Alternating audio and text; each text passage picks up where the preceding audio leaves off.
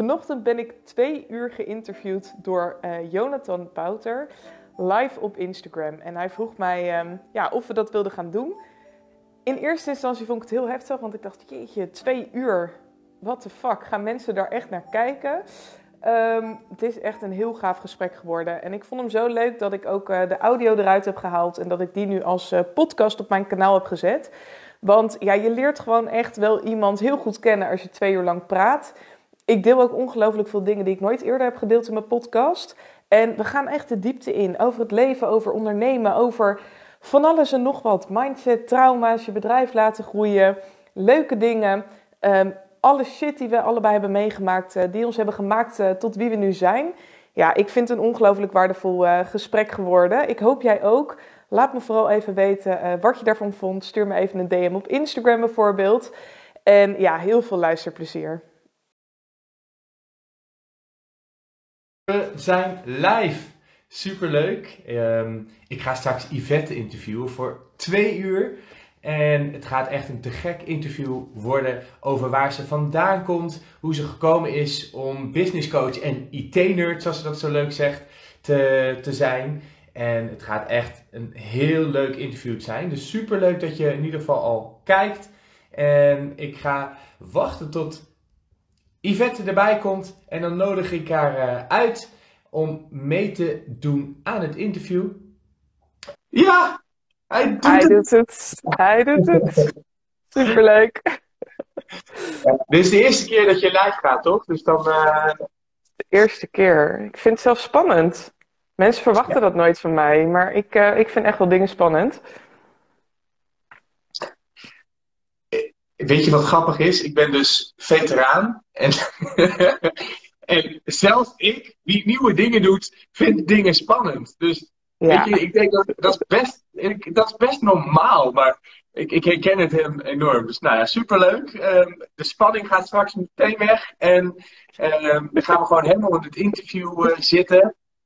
Um, ik kijk er ook echt enorm uit. Want ik heb jou dus vorig jaar ontmoet. En sindsdien dacht ik, ja, het lijkt me te gek om jou wat beter te leren kennen. En in plaats van een kopje koffie te drinken, doe ik dat dus meestal met live Instagram interviews. Ja. Waardoor ik gewoon een goed gesprek met mensen aan kan gaan, um, hun beter leer kennen en eigenlijk ook de diepte in. En there's a reason to my madness. De meeste podcast interviews, interviews zijn 45 minuten tot 1 uur. En als je ondernemer bent en als je veel podcast-interviews ook doet of uitgenodigd wordt, dan herhaal je soms wel eens een riedeltje. En ja.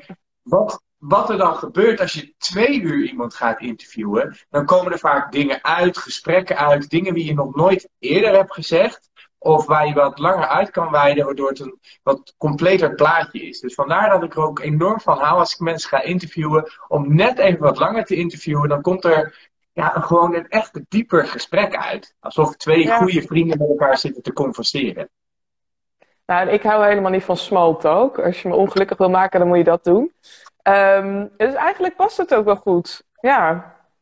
Ja, ik ben wel benieuwd eigenlijk. Lekker uit mijn comfortzone. Ja, heerlijk. Nou ja, ik hou ook niet van, van, van small talk. Daar ben ik denk ik ook coach geworden. Uh, dus ik ben super leuk dat ik jou mag interviewen de komende twee uur. Um, even voor de mensen die jou niet kennen. Wie ben je? Ja, dat vind ik altijd een hele mooie vraag. Dat vind ik een hele mooie vraag. Wie ben je? Um, kijk, ik ben Yvette. Ik um, ben 32 jaar. Ik woon in Zoeter, Zoetermeer, nu nog. Uh, want daar begint natuurlijk het verhaal. Als je vraagt wie ben je? Ik ben een chick van uh, Bold Moves. iemand die het altijd heel erg anders doet in het leven. Nou, daar gaan we straks vast op in. Wat ik doe als werk nu is business coach. Maar ook niet op de manier waarop alle andere business coaches het doen. Um, tenminste, dat is even mijn eigen, mijn eigen mening. Maar wat ik doe is eigenlijk ja, een beetje gek. Ik uh, help ondernemers uh, om hun bedrijf te laten groeien. Nou, dat is niet zo gek. Maar dan wel kijken van, joh, hoe kan je bedrijf nou slimmer ingericht worden? Hoe kan je nou de boel eigenlijk helemaal gaan automatiseren? Hoe kan je zoveel mogelijk gaan uitbesteden? Nou, daar komt ook echt de IT-nerd in mij om de hoek kijken. Um, maar ik help je ook op het gebied van mindset, op het gebied van strategie, op het, op het gebied van marketing. Nou, als uh, Veronique Prins nu zou kijken, dan denkt ze van nee, veel te breed en veel te. Maar goed, dat is wel iets wat ik ook echt in essentie ben. Ik ben, ik ben echt een, ja, generalist. Ik vind een heleboel dingen ongelooflijk leuk. Ik heb ook heel veel dingen gedaan de afgelopen 15 jaar uh, dat ik werk. Dus ja, als ondernemer komt dat dan allemaal samen. En um, ja, ik ben niet alleen business coach, ik ben nu ook een automatiseringsagency aan het opzetten achter de schermen. Dus ja, ik, ik heb echt superveel uh, dingen die ik tof vind. Ik ga later een school bouwen, weet ik ook zeker. Um, dus ja, het is eigenlijk een uh, verrassingsei, zo noemt mijn uh, copywriter mij. verrassingsei. Leuk, leuk. Nou, leuk. Ik, ik, ik vind je enthousiasme nu echt super cool. En um, wat ik vooral cool vind, ik heb hem later ook in, in het interview staan, je bent gewoon zo heerlijk jezelf. En dat, dat laat je dus meteen ook uh, blijken nu. En dat vind ik gewoon heel tof, dat je gewoon op je eigen manier doet. En dat generalist, dat herken ik wel. Ik heb ook van alles gedaan. Ik heb ook uh, duizenden en interesses. En ja, inderdaad, de meeste coaches zeggen dan kies meer, nog meer, nog selectiever. Uh, volgens mij doe je dat al best wel goed. Maar als je toch wel zo'n brede interesse hebt, dan wil je dat ook wel ja, daarbij je klanten kunnen helpen. Dus daarin herken ik het ook wel heel erg enorm. Ja. Ja, ik, ehm, niche dus, ik, ik niche dus niet op um, beroepsgroepen of wat dan ook.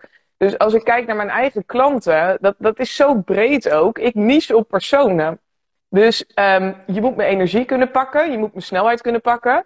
Je moet ook een tikkeltje gestoord zijn af en toe, of in ieder geval die gestoorde kant van mij kunnen waarderen. Um, maar het is ook echt, als ik kijk naar mijn klanten, ja, dan is het niet dat ik zeg ik ben er voor de kennisondernemers of ik ben er juist voor andere mensen. Ik heb echt, ze doen allemaal wat anders, maar ze hebben in essentie allemaal een klein beetje hetzelfde. En daar niche ik dus op. En dat is durf, maar dat is ook weten waar het leven om draait. Dus um, als je bij mij komt en je zegt van nou, hè, ik wil naar een half miljoen, dan kan ik je daar absoluut bij helpen. Gaan we een hele mooie machine optuigen, maar ik zal altijd de vraag stellen van joh, maar waarom wil je dat? Gaat je hart ervan in de fik? Wat voor leven heb je überhaupt? En past dit bij je leven? Um, en de klanten die ik aantrek, die uh, hebben allemaal iets in zich van werken is leuk, maar er is ook meer in het leven dan werken. En ik hou ongelooflijk, ongelooflijk veel van mijn werk. Die oortjes die gaan soms alle kanten op. Um, maar als de zon schijnt, dan daalt echt mijn ambitie. En ik hoop bij een hoop andere mensen ook. Dus het leven is soms ook gewoon te mooi om alleen maar aan het werk te zijn. Prachtig. Ja, heerlijk. Een vrouw naar mijn hart en, en zeker ook ondernemer naar mijn hart die voor dingen staat als meer dan alleen maar een business opbouwen. Maar het is, het is en en. En, en um, waarvoor, waarvoor begin je een onderneming? Om uiteindelijk meer een leven op jouw termen te creëren. En wat er vaak gebeurt is, en zoals jij dat ook zo mooi omschrijft, soms wordt het een soort van onhoudbare monster waar je niks meer mee kan doen. Um, omdat je het gevoel hebt van, ja, weet je, ik heb nu dit gecreëerd, maar hoe, hoe, ik heb nu minder vrijheid. En ik vind het heel mooi dat jij je klanten daarbij helpt. Hoe je dus in je business meer vrijheid kan krijgen. Maar voordat we helemaal komen bij wat je nu doet, ja, hoe ben je überhaupt gekomen bij wat je nu doet? Want je gaf net aan van, ik heb van alles gedaan. Ik, ik, la, ja. Laat je, je, je hele tijdslijn horen van wat je gedaan hebt. Uh, ik ben nieuwsgierig. Oh, de hele tijdslijn, oeh. Nou, als ik, als ik de gekke momenten eruit pak, dan begon dat eigenlijk wel heel vroeg. Want uh, ik was dat kind die midden in een schooljaar een klas oversloeg. Ik ben namelijk heel erg onhandelbaar als ik niet word uitgedaagd of als ik geen uitdaging ervaar. Dus uh, het was groep 4 en uh, na drie kwart jaar dachten ze, we schoppen er nu naar groep 5 toe. ik was ook een van de tweelingen en ik zat al het huiswerk van mijn tweelingbroertje te maken, want ik verveelde me dood daar. Dus ik ben toen eigenlijk midden in het schooljaar ben ik uh, um, naar groep 5 gegaan. Dat was toen al best wel gek. Werd toen in ieder geval nooit gedaan. Um, maar dat zorgde er ook voor dat ik eigenlijk vrij jong op de middelbare school kwam. Dus ik liep eigenlijk ja, een jaartje achter op de rest. Um, op de middelbare school heb ik ook van alles gedaan. Ik ben gothic geweest. Ik heb blauw, zwart, groen haar gehad. Zwarte lippenstift, van alles en nog wat. Ik ben ook um, een, een, een heel modern meisje geweest daar.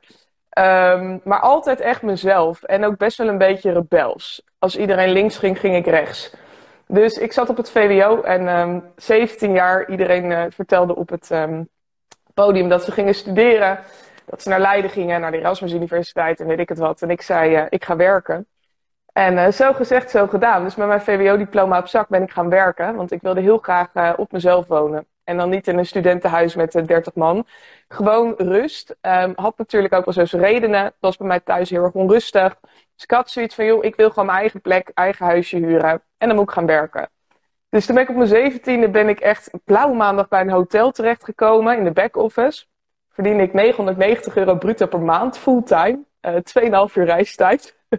nou, dat was niet echt een baan waarmee ik uh, op mezelf kon gaan. Dus toen, um, nou ja, een heleboel bold moves gedaan. Maar toen ben ik in ieder geval bij een makelaarskantoor gestart in Wassenaar. Wassenaar is wel echt heel apart, maar heel erg naar mijn zin gehad. Ik kwam daar en na vier maanden zei mijn baas... nee, eigenlijk zei mijn baas direct al, na een maand geloof ik, na mijn proeftijd... Ja, je collega gaat vier maanden met zwangerschapsverlof. Dus je moet het nu alleen runnen in de back-office dacht ik, nou, ik heb het nog nooit gedaan, maar ik denk dat ik het wel kan. Dat is eigenlijk mijn hele motto geweest sindsdien. Dus nou ja, twee jaar bij makelaarskantoor gewerkt. Toen de bold move gedaan dat ik dacht van, nou, ik vind eigenlijk cijfertjes veel leuker. Ik word hypotheekadviseur. Nou, ik was zo 19. Denk dat ik de jongste hypotheekadviseur van Nederland ben geweest, maar dat weet ik niet. Um, 19 hypotheekadviseur uh, geweest. Toen ook mijn eerste woning gekocht. midden in de kredietcrisis. Kon toen nog voor een prikkie. Um, dat helemaal verbouwd. Toen was ik al bezig sinds mijn 18 in de avond op, uh, avonduren met mijn HBO bedrijfskunde. Um, nou, toen was het en bedrijfskunde en hypotheekadviseur, daar al mijn papieren verhalen, beleggingsadviseur en verzekeringsadviseur en de hele riedel.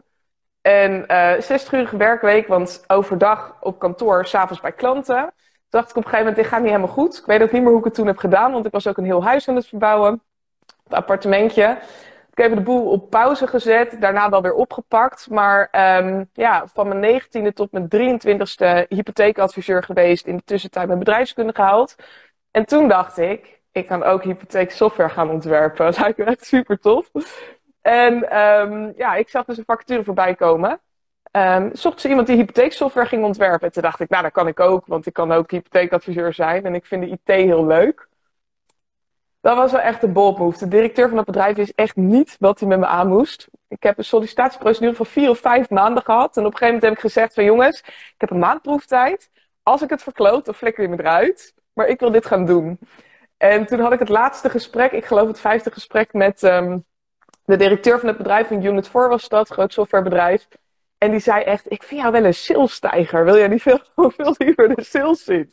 Nee, ik wil gewoon nerden. Ik hou van nerden. En vraag me niet waar dat vandaan is gekomen, want daarvoor deed ik nooit wat in de IT. Maar um, het leuke was, ik gebruikte een hypotheeksoftware. En ik wist gewoon donders goed waar het, waar het lekte. Dus ik dacht van ja, ik ben jullie ideale klant, nu achteraf gezien. Hè? Ik weet precies hoe jullie het moeten gaan doen. En ja, ik, ik kan wat dat betreft wel bij de hand zijn. Um, was echt een feestje. En sterker nog, ik, ik mis ook echt de tijden. Het is 19 tot en met 21 dat dit gebeurde. Want om mijn 23 ging ik weer naar Egon toe. Nou, lang fout kort. Ik ben dus de IT ingerold. Daarna allerlei functies gehad in de IT. Mezelf flink omhoog gewerkt daar. Heleboel verschillende dingen gedaan. Mezelf nog een keer op een dag omgeschoold tot data scientist. En nou, echt van alles en nog wat gedaan. Um, tot ik eigenlijk, en dat is wel een mooi verhaal. Um, 2020, dus uh, mei 2020, waren we hier in de tuin overkapping aan het bouwen. En toen um, was ik net daarvoor wakker geworden met een bedrijfsnaam in mijn hoofd. dacht ik, wat de fuck moet ik met een bedrijfsnaam? Nou, bedrijfsnaam was de cirkel doorbreken. De cirkel doorbreken komt er vandaan dat trauma's van generatie op generatie worden overgegeven totdat die cirkel wordt doorbroken. Maar goed, ik stond op met die bedrijfsnaam en toen dacht ik, ja, ik vind het wel een fucking mooie naam. Ik registreer hem alleen. Nou, stond ik hier in de tuin die overkapping te schilderen. Toen had ik Michael Pilarczyk op met uh, Think and Grow Rich, het luisterboek in het Nederlands.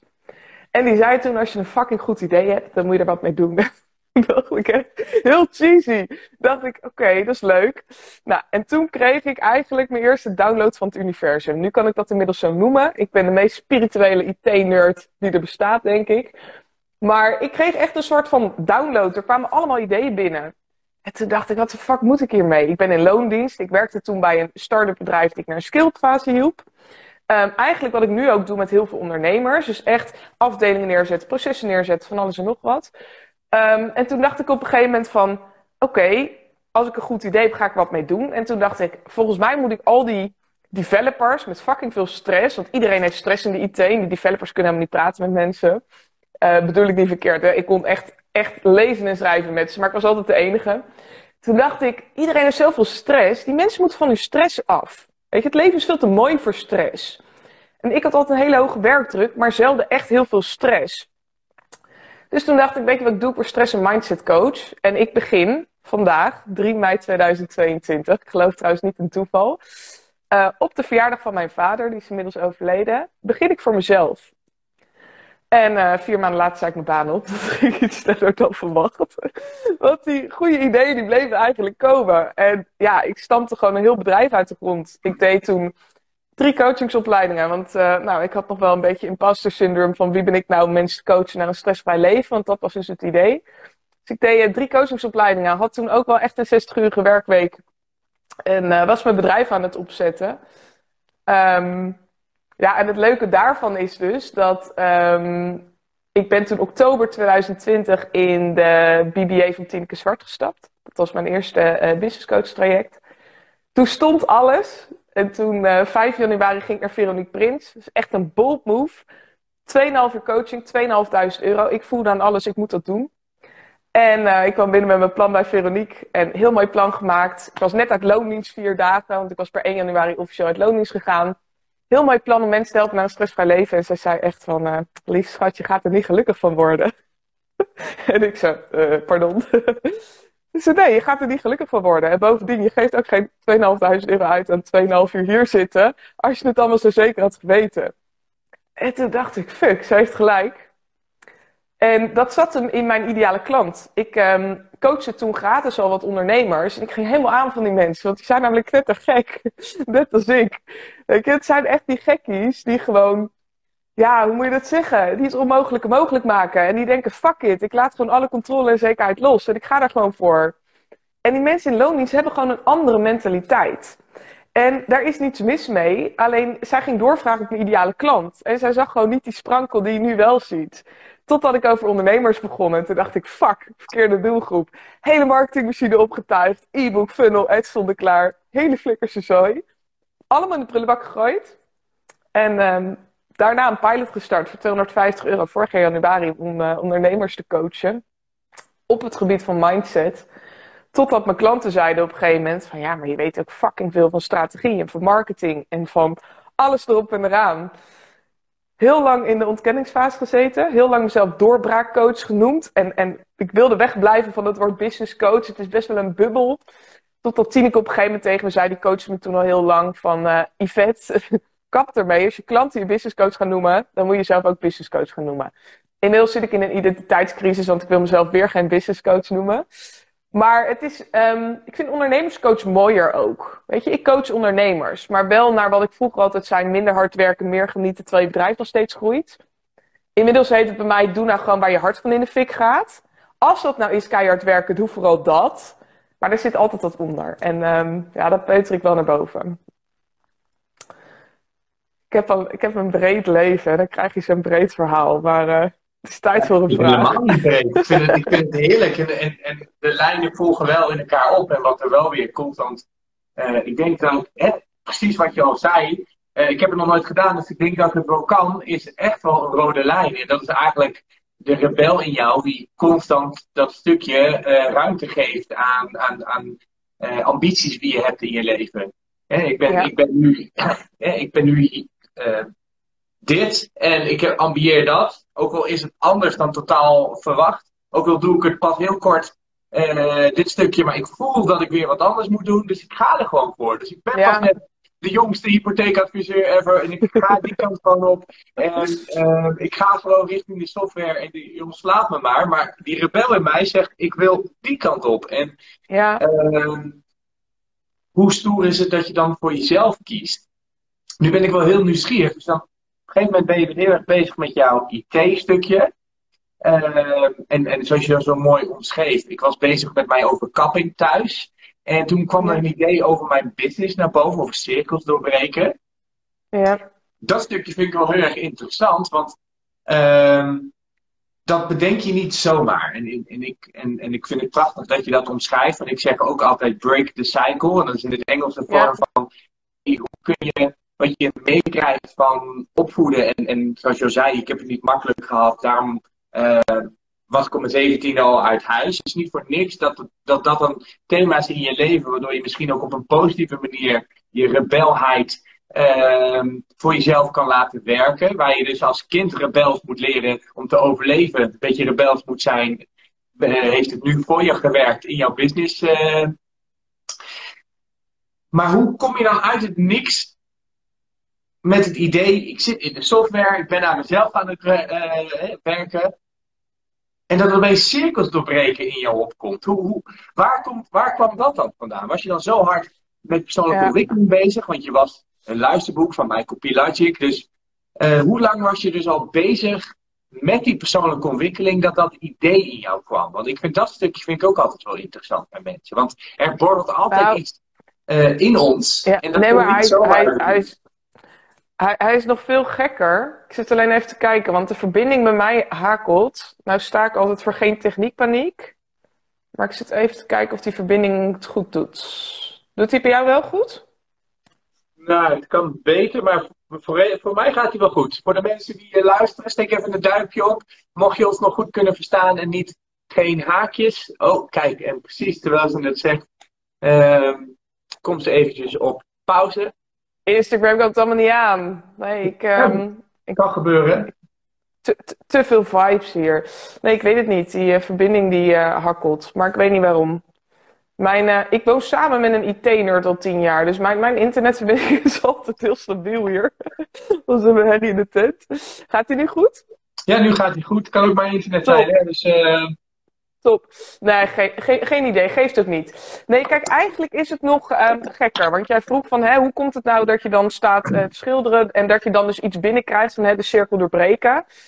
Uh, gek genoeg kwam dat daarvoor binnen. Het was letterlijk, ik doe mijn ogen open en ik dacht, de cirkel doorbreken. Wat is dat? Ik denk, dat is echt wel vet, de cirkel doorbreken. Ik denk, ja, dat kan je eigenlijk wel op een heleboel dingen toepassen. En toen dacht ik van, dat is eigenlijk wel een vette domeinnaam. Zo begon het. Dus ik heb de cirkel doorbreken.nl. Ik ging echt naar TransP, gaan mijn Favo hosting. ik ging echt kijken van is die domeinnaam vrij? En die, die domeinnaam was vrij. En ik weet nog wel, ik heb wat dat betreft een gek hoofd. Het was 4 euro per jaar. En toen dacht ik echt van, ja, straks, straks doe ik er niet meer. Wat moet ik in vredesnaam met een domeinnaam? En toen dacht ik van, ja oké, okay, 4 euro per jaar. Gier, doe even lekker normaal. ik denk, ik, ik registreer gewoon die domeinnaam. Dus daar begon het mee. Ik werd wakker met een bedrijfsnaam.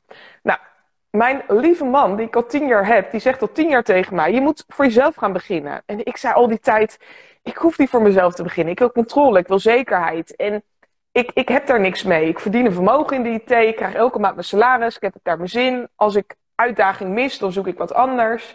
Dus ik heb altijd tegen mezelf gezegd: Ik wil nooit ondernemen. Nou, inmiddels snap ik echt niet onder wat voor steen ik heb gelegen. Want ik durf al te zeggen: als er eentje in hart en dieren ondernemer is, dan ben ik het wel. Maar um, zo begon het dus. Dus ik heb eigenlijk alleen die domeinnaam geregistreerd. En de cirkel doorbreken kwam dus vanuit trauma vandaan. Nou, ik ben al wel sinds ongeveer mijn zestiende volle bak bezig met mijn persoonlijke ontwikkeling. Met trauma's verwerken, met hele sterke mindset krijgen door schade en schande. Um, had ik ook echt wel nodig om gewoon de boel op de rit te houden. Want ik heb best wel een uh, GTSD-leven gehad. Um, dus ik was daar wel heel erg mee bezig toen ik die overkapping ging verven, toen kwam ineens, ja, zoals ik het nu noem altijd, een download van het universum binnen. Gaan we het straks ook nog wel over hebben. Want ik krijg op een gegeven moment gewoon dingen binnen. Um, het kan of zijn dat mijn eigen genialiteit is, maar ik geef tot nu toe alle credits aan het universum, zoals ik dat noem. Niet dat ik echt een zweefteef ben. Ik zeg altijd, ik zweef met beide benen op de grond. Maar op een gegeven moment komt er wel van alles binnen.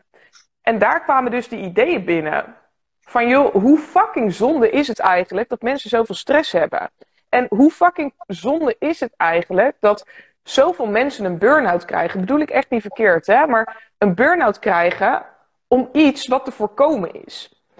Als ik terugkijk naar mijn leven toen, dan denk ik van, ik heb echt de meest mogelijke monsters in mijn leven moeten overwinnen. Ik heb de meest verschrikkelijke trauma's meegemaakt. Um, hoe kan het dat ik nooit een burn-out heb gehad? Nou, dat is heel simpel, omdat ik snap hoe mijn hoofd werkt. Ik snap hoe mijn gedachten werken. En ik snap ook uh, hoe mijn lichaam daarop reageert. Dus ik ben ook opgeleid tot emotiecoach. En wat gewoon waanzinnig is, als jij een gedachte gelooft die niet goed is voor jou, dan gaat dat lichaam protesteren. Die zegt letterlijk, laat die gedachte los. Nou, dat klinkt natuurlijk ongelooflijk um, simpel, hè? Van oké, je denkt iets, je voelt iets, je laat het los. Nou, wat gebeurt er nou? Vaak is er een complete identiteit gebaseerd op dat wat jij gelooft. Dus als je dat helemaal gaat afpellen, dan kom je er eigenlijk achter, en dat doet pijn, hè? Dat uh, je heel vaak de trauma's van je ouders aan het oplossen bent. Want die hebben ze gewoon generatie op generatie doorgegeven. Dus je bent eigenlijk gewoon hun shit aan het oplossen. Zij hebben je gewoon vaak de eerste zeven levensjaren uh, informatie gegeven, waardoor jij dan gaan denken wat je nu denkt. Weet je, zonder, daar een oordeel over te proberen, proberen te hebben vooral. Want ik probeer oordeelloos door het leven te gaan, maar dat lukt niet altijd. Maar als je hem helemaal afpelt, ben je eigenlijk hun shit aan het oplossen. Maar dat betekent ook dat een heleboel dingen die je vroeger geloofde, zijn die überhaupt wel waar? Dus hoe meer jij eigenlijk daarop hebt gebouwd, hoe meer er ook omflikkert als je iets anders gaat, um, uh, gaat geloven. En ik heb dus het geluk gehad dat bij mij zo vaak mijn leven is omgeflikkerd, dat ik inmiddels zo makkelijk iets compleet anders kan geloven. Gewoon omdat ik me besef, het zijn maar gedachten. Ik kan mezelf helemaal gek maken met mijn gedachten. Dat is wel een leuk bruggetje. Ik heb dus nu bedacht dat ik met manlief en twee honden naar Valencia ga. Nou, letterlijk heb ik hem een week of vier geleden toen ik in Spanje was opgebeld en zei ik: Yo, zullen we uh, het huis gaan verkopen, de complete overwaarde in crypto steken en naar Valencia gaan? En hij zei echt: Ja, ik ben nog nooit geweest in Valencia. En ik zei: Ja, ik ook niet. ik voel dat wij in Valencia moeten wonen. Nou, die vent van mij is gelukkig net zo gek als ik. Die heeft heel stellig een eigen mening, maar die weet ook inmiddels na tien jaar, als ik een bold move in mijn hoofd heb, dan pakt dat goed uit. Weet je, zo heb ik ook dit huis vijf jaar geleden gekocht op het meest ongelukkige moment. Um, maar dat pakte fucking goed uit. En dan kan ik mezelf natuurlijk helemaal gek gaan maken. Hè?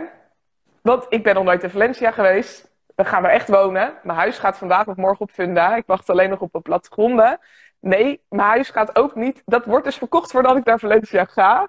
En mensen krijgen daar error van. Dat snap ik. Maar het is heel simpel. Hè? Ik stel mezelf één vraag. Wat is het ergste wat er kan gebeuren?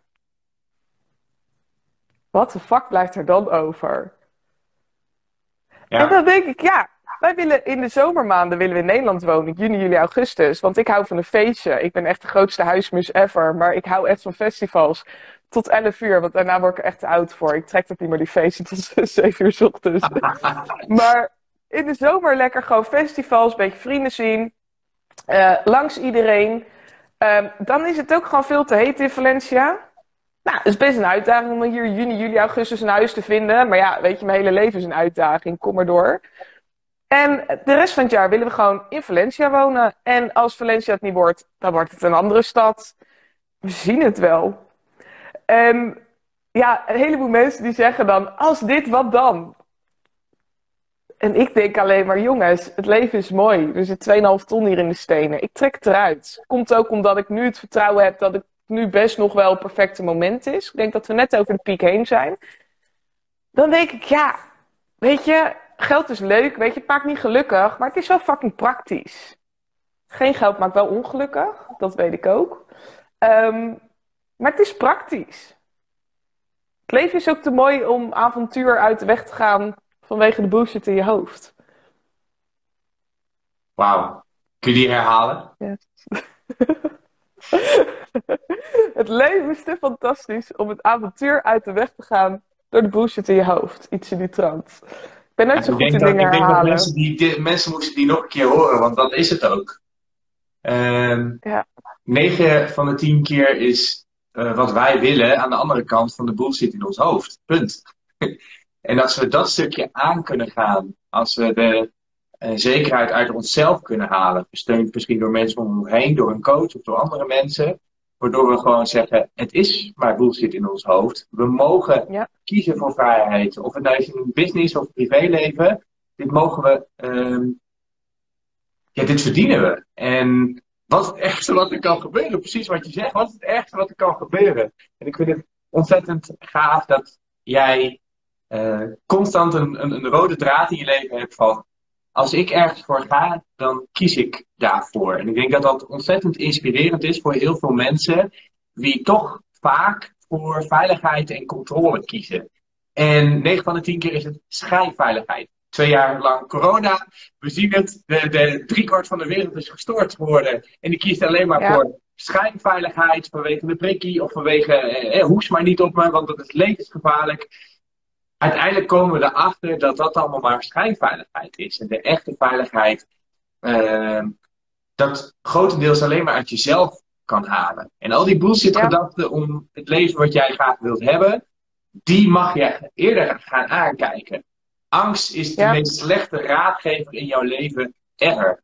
En de wat dan uh, en, en hoe dan uh, ja, hamsterwiel, zoals ik dat zeg, ja, dat geeft nooit een verzadigd antwoord. Als je op de hoe moet ik dat dan doen? Of hè, wat gaat er dan gebeuren als ik daarop eh, op, op dat hamsterwiel. Dat geeft nooit een verzadigd antwoord. En 9 van de 10 keer zorgt dat hamsterwiel ervoor dat je niet die dingen gaat doen waar jij gelukkig van wordt. En ik zeg het ook constant tegen mijn klanten.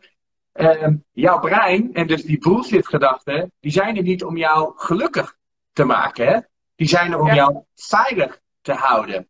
En elk mens houdt van veiligheid. En, en, en dat brein wil je alleen maar veilig houden. Dus alle bold moves, zoals jij dat zo prachtig zegt.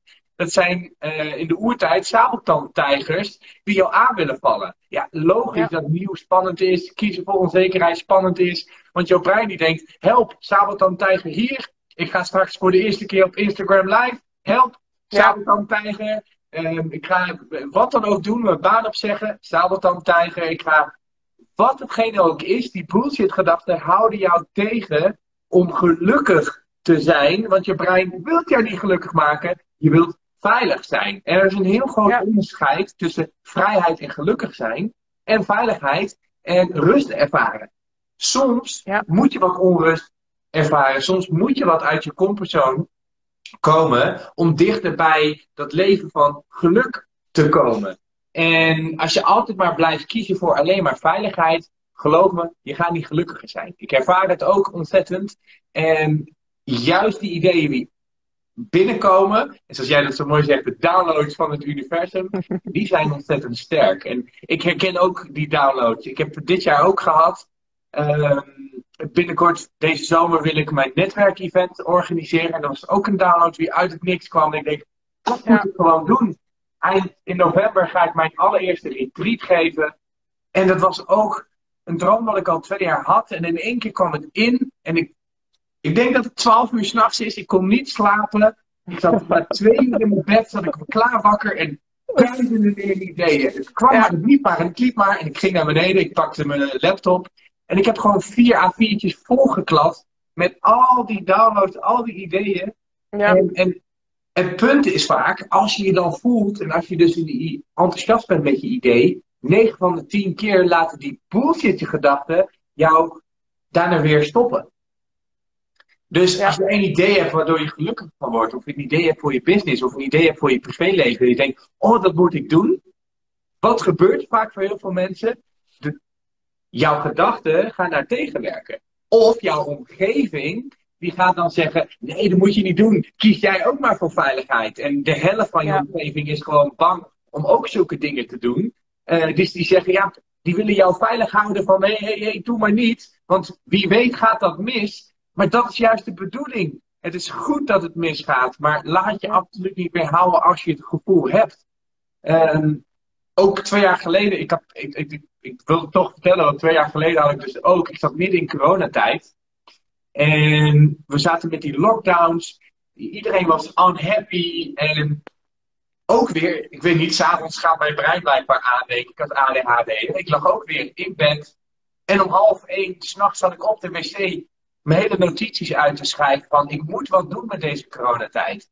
En voor je het weet had ik een hele coachingdag opgeschreven. En dat is mijn Free Yourself Nature Walk geworden.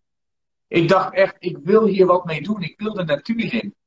De volgende dag heb ik dat momentum gebruikt. Ik heb een idee, dit voelt goed. Ik kon letterlijk niet slapen. Ik heb helemaal uitgeschreven van zo ga ik die dag doen. Volgende dag ben ik gewoon Naturebox gaan verkopen. Want het voelde zo goed. Ik dacht, als ik nog langer ga wachten, dan gaat mijn brein mij overtuigen dat ik het niet moet doen. Dus wat heb ik gedaan? De volgende dag ben ik het gewoon gaan verkopen. Ik heb vijf ja. meteen verkocht en gezegd, jongens, we zitten in corona, laten we naar buiten gaan, één op één, vijf uur lang in de natuur, kom maar door. En het is fantastisch dat ik dat meteen gevolgd heb. Het was onveilig. Het was een sabeltand die zei: hey, hey, pas op. Mijn brein die zei: pas op, een sabeltandtijger, dat is nieuw, dat is spannend. Maar gewoon doen. En wat ik zo tof vind, en dan jou weer, hoe jij dat zegt met die bold moves, jij doet het gewoon. En ik denk dat dat ontzettend belangrijk is, ook voor de mensen in jouw omgeving. Mocht jij in zo'n positie zitten, en als je dit luistert, zoek mensen zoals je op.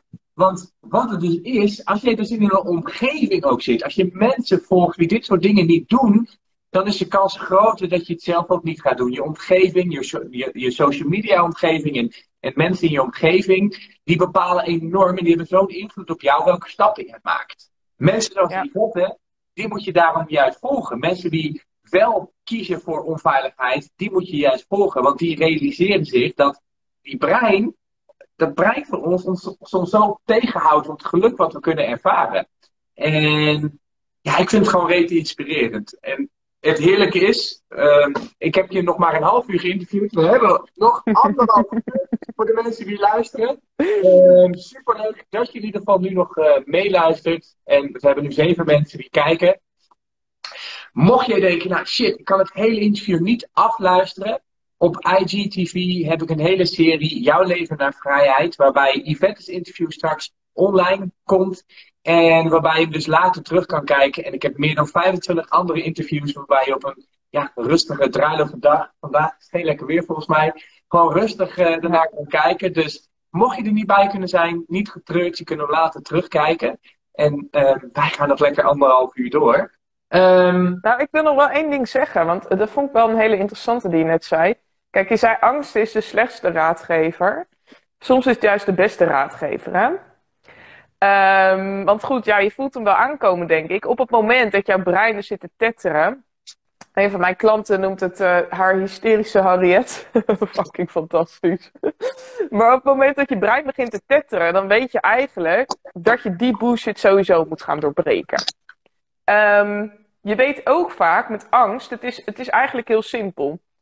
Als je het vanuit emotieperspectief bekijkt, dan uh, vraagt angst je simpelweg om invloed uit te oefenen op dat waar je invloed op hebt. Nou, in mijn geval is het, is het gewoon echt kijken van, nou, waar heb ik wel invloed op? Nou, ik heb geld, ik kan altijd overal ergens gaan wonen. Um, waar heb ik ook invloed op? Dat is ook nog wel een hele interessante. Kijk, ik ontleen mijn geluksgevoel niet aan externe factoren. Dat durf ik inmiddels wel te zeggen. Um, dus ja, echt. Dus, dus waar, eh, weet je, ik rij gewoon een eigootje. Ik heb een heerlijk huis. Maar op het moment dat alles bij mij zou worden afgenomen en je gooit mij op een onbewoond eiland, um, zal ik echt wel uitdagingen hebben. Maar het is niet dat ik mijn geluksgevoel ontleen aan het huis, of aan Valencia, of aan mijn auto, of aan mijn baan, of aan mijn bankrekening, of aan wat dan ook. En ik denk dat dat dus ook een hele belangrijke is. Ik ben dus ook niet bang om iets kwijt te raken omdat ik er gewoon niet om geef. Het is super praktisch, het is fijn, het is mooi. Maar het is niet de kern van waar het leven om draait. Weet je? Dus, dus dat is op een gegeven moment natuurlijk ook de vraag: van waar ben je nou bang voor? Ben je bang om een stuk ego te verliezen? Hmm. Uh, ben je bang dat andere mensen ergens iets van vinden? Ja, dat is ook wel mijn geluk geworden. Ik heb echt volkomen scheid van wat de wereld van mij vindt. Ik had gisteren een call met een hele toffe meid. En, en op een gegeven moment zei ze ook van... Ja, ik vind je wel heel erg confronterend. En um, toen zei ik van ja, nou ja, dat ben ik ook. Maar dat is ook precies wat je nodig hebt. Nou, en, en, en zij wilde eigenlijk bij mij instappen. En ik zei tegen haar: nee, jij moet niet bij mij instappen. Je moet gewoon eens geduld hebben, want je doet precies de juiste dingen nu. Je kan wel bij mij instappen nu en met mij aan de slag gaan. Zeg maar je kan het nu ook zonder mij doen en gaan werken aan je mindset. Dus wat dat betreft, um, kijk ik ook echt heel erg wat iemand nodig heeft. Wat ik ook nog wilde zeggen, dat is wel leuk. Mijn, uh, ik zag net dat even mijn klanten meekeek. Um, ik krijg die downloads van het universum ook voor mijn klanten. dus ik lig wel eens. Inderdaad, vaak een hele nacht, dan slaap ik niet. Vind ik ook echt een feestje hoor. Het is niet dat ik dan baal dat ik dan niet kan slapen. Krijg ik alles binnen. Ja, en dan die klanten van mij, die, Dan kom ik de volgende dag met mijn spraakberichtjes en dan heb ik hele nieuwe dingen voor ze bedacht. dan zit ze echt, what the fuck? Maar ook help, het is eng. En dan denk ik, ja, het is eng. Maar goed, ik ben altijd heel betrokken bij mijn klanten. Dus ik ben er ook voor als het eng is. Ehm, maar op een gegeven moment daar dus op vertrouwen. Dat stukje verder ontwikkelen. Dat is ook goud. En hoe ontwikkel je dat? Door op een gegeven moment ook gewoon de rust op te zoeken. Door echt uit die red race te gaan. Want als ik alleen maar aan het redden ben, dan komen die inzichten niet binnen. Wanneer komen ze? Heeft iedereen. Als je onder de douche staat. Nou, laatste keer, ik heb een uh, mail die altijd elke maandagochtend de deur uitgaat. Geen standaard nieuwsbrief, geen standaard gelul. Um, maar uh, daar stond op een gegeven moment ook in van ja, vroeger dacht ik altijd dat die goede ideeën water nodig hadden. Blijf gewoon tering lang onder de douche staan. Tegenwoordig is dat wat duur. Maar weet je, die ideeën komen natuurlijk voor een reden onder de douche. Omdat je dan gewoon aan het vertragen bent. Dan komt het binnen. Voor de vrouwen die nu kijken, ik ben in november gestopt met anticonceptie. Niet omdat ik kinderen wil, want ik, uh, dat is mijn eigen mening hoor, maar ik wil geen kinderen op deze wereld zetten. Uh, wel een school bouwen voor iedereen die wel zijn kinderen op deze wereld zet, dat dan weer wel. Maar mijn eigen kinderen niet. Um, op het moment dat je stopt met anticonceptie, ik ben er dus bewust mee gestopt omdat ik die troep niet in mijn lijf wil. Ik wil helemaal geen troep in mijn lijf. Um, ja, dat is magisch. Het is echt een. Uh, wat daar nu gebeurt en, en de inzichten die ik nu krijg en de ideeën die ik nu heb, dat gaat echt gewoon maal tien. Want je bent natuurlijk compleet afgevlakt als je aan anticonceptie zit. Dus uh, ergens komt dan uh, hysterische Henriette mij vertellen dat ik mijn lichaam heb verziekt de afgelopen jaren. Want uh, ik had endometriose PCOS. Dus de hele boel was bij mij platgelegd. sinds mijn vijftiende eigenlijk al. Sinds mijn achttiende helemaal plat. En sinds mijn vijftiende al volle bak anticonceptie. Herkennen veel vrouwen, denk ik. Inmiddels ook dat is eruit, hè. Uh, je kan zoveel doen met mindset. Ik ben gewoon chronische ziektes de deur uit aan het werken. Ja, het leven is mooi, maar uh, het is wel een kwestie van doen. Nou ja, um, waar je dus achter komt, is dat een wereld, uh, omgeving en, en, en zekere opvoeding zo ontzettend invloed op je hebt. En hoe meer je op dit pad zit, hoe meer je erachter komt. En zoals jij dat omschrijf, mooi omschrijft, dus die laagjes spellen naar wie die kern eigenlijk echt is. En die laagjes is dus deels hey, los van die anticonceptie, ik heb ook een lichaam waar ik voor mag zorgen. Ik heb gezonde voeding en gezonde voeding, um, daarin zit dus ook een zoektocht van wat werkt bij mijn lichaam, wat heb ik nodig. En lichaam en geest verbonden, en dus ook mindsetwerk, zorgt ervoor dat je nog meer in jezelf kan komen. Los van de troep van wat we in ons eten krijgen, los van troep wat mensen zeggen of social media zegt. En los van de opvoeding en de conditionering en de ja, belemmerende overtuigingen, waardoor je nog meer jezelf echt kan zijn. En wie ben je dan? Wat blijft er dan over? En alleen al dat, die zoektocht kan soms ontzettend eng zijn. Want ja dat merk ik ook heel veel bij mijn klanten. Op het moment dat je dus aan jezelf gaat werken, dan laat je wat dingen los. En wat blijft er dan nog over? Als jij een bepaalde identiteit hebt, wat blijft er dan nog over? En precies wat je zei van, ja, wat gebeurt er? Ja, een stukje ego loslaten, een stukje wat vinden andere mensen van mij loslaten. Um, maar ook van jezelf. Hè. Soms is een bepaald iets wat je meemaakt ook een identiteit van jezelf geworden. En als je dat loslaat, ja, wat blijft er dan nog over? Als je niet meer die gepeste bent, of als je niet meer diegene met die trauma bent, wat blijft er dan nog over? En je ziet het, de mensen die niet kunnen veranderen, die hebben, zoals ik dat soms wel zeg, die identiteit helemaal tot zichzelf gevormd. En daardoor is het ontzettend lastig om te veranderen. En zoals je ziet bij mensen die in slachtoffergedrag zitten, dit is nou eenmaal wie ik ben. Ik ga niet meer veranderen, ik kan niet meer veranderen. En ze hebben die identiteit bevestigen ze constant naar zichzelf en richting de buitenwereld, waardoor het ook heel lastig is om een nieuwe fase in te gaan in jouw leven. En dat is nou, weet, je, weet, weet, je wat het zelfs is? Het, is? het is op een gegeven moment dat je het zelfs in stand houdt. Ja. En ik snap dat wat ik nu ga zeggen, dat dat echt heel triggerend kan zijn. Maar ik ben altijd heel eerlijk en je kan ook uit de live, als het je niet bevalt. Kijk, Um, vanaf mijn zevende uh, uh, heb ik allerlei ziektes, klachten, et cetera ontwikkeld. Vanaf mijn vijftiende kan ik dus nu zeggen, was ik chronisch ziek. Wat heb ik op een gegeven moment gedaan? Uh, ik heb mijn hele identiteit ook daaraan ontleend. ik zou je vertellen dat ik nu eigenlijk sinds de afgelopen twee weken merk dat ik dus van vijf chronische ziektes geen last meer heb. Nou, hoe gaat dat op een gegeven moment in zijn werk? Vanaf mijn vijftiende had ik chronische pijn, dag in dag uit. Ik ging een bedrijf starten. ik ging mensen helpen naar een stressvrij leven. Dus dat stond er op mijn over mij pagina. Door stress werd ik chronisch ziek. Ik ben chronisch ziek. Wat ga je dan doen? Je gaat je identiteit eraan ontlenen. Dus als je dan zegt, weet je, zo'n vraag van hè, wie ben je? Dat vind ik altijd een hele mooie vraag. Want wie ben ik in essentie? Liefde. Niks meer dan dat. Weet je, is natuurlijk heel zweverig, maar dat is wie ik ben. Nee hoor, ik zeg wat het voor identiteit. ja, maar, maar wat voor identiteit? Waar ontleen je op een gegeven moment je identiteit aan? Dat was bij mij ook van, ik ben die chick die op de 17 het huis uitging, die, die een ongelofelijke kutjeugd had die chronisch ziek was, die, die, die ondanks alle chronische pijn gewoon bleef werken, gewoon doorging. Het wordt op een gegeven moment een hele identiteit.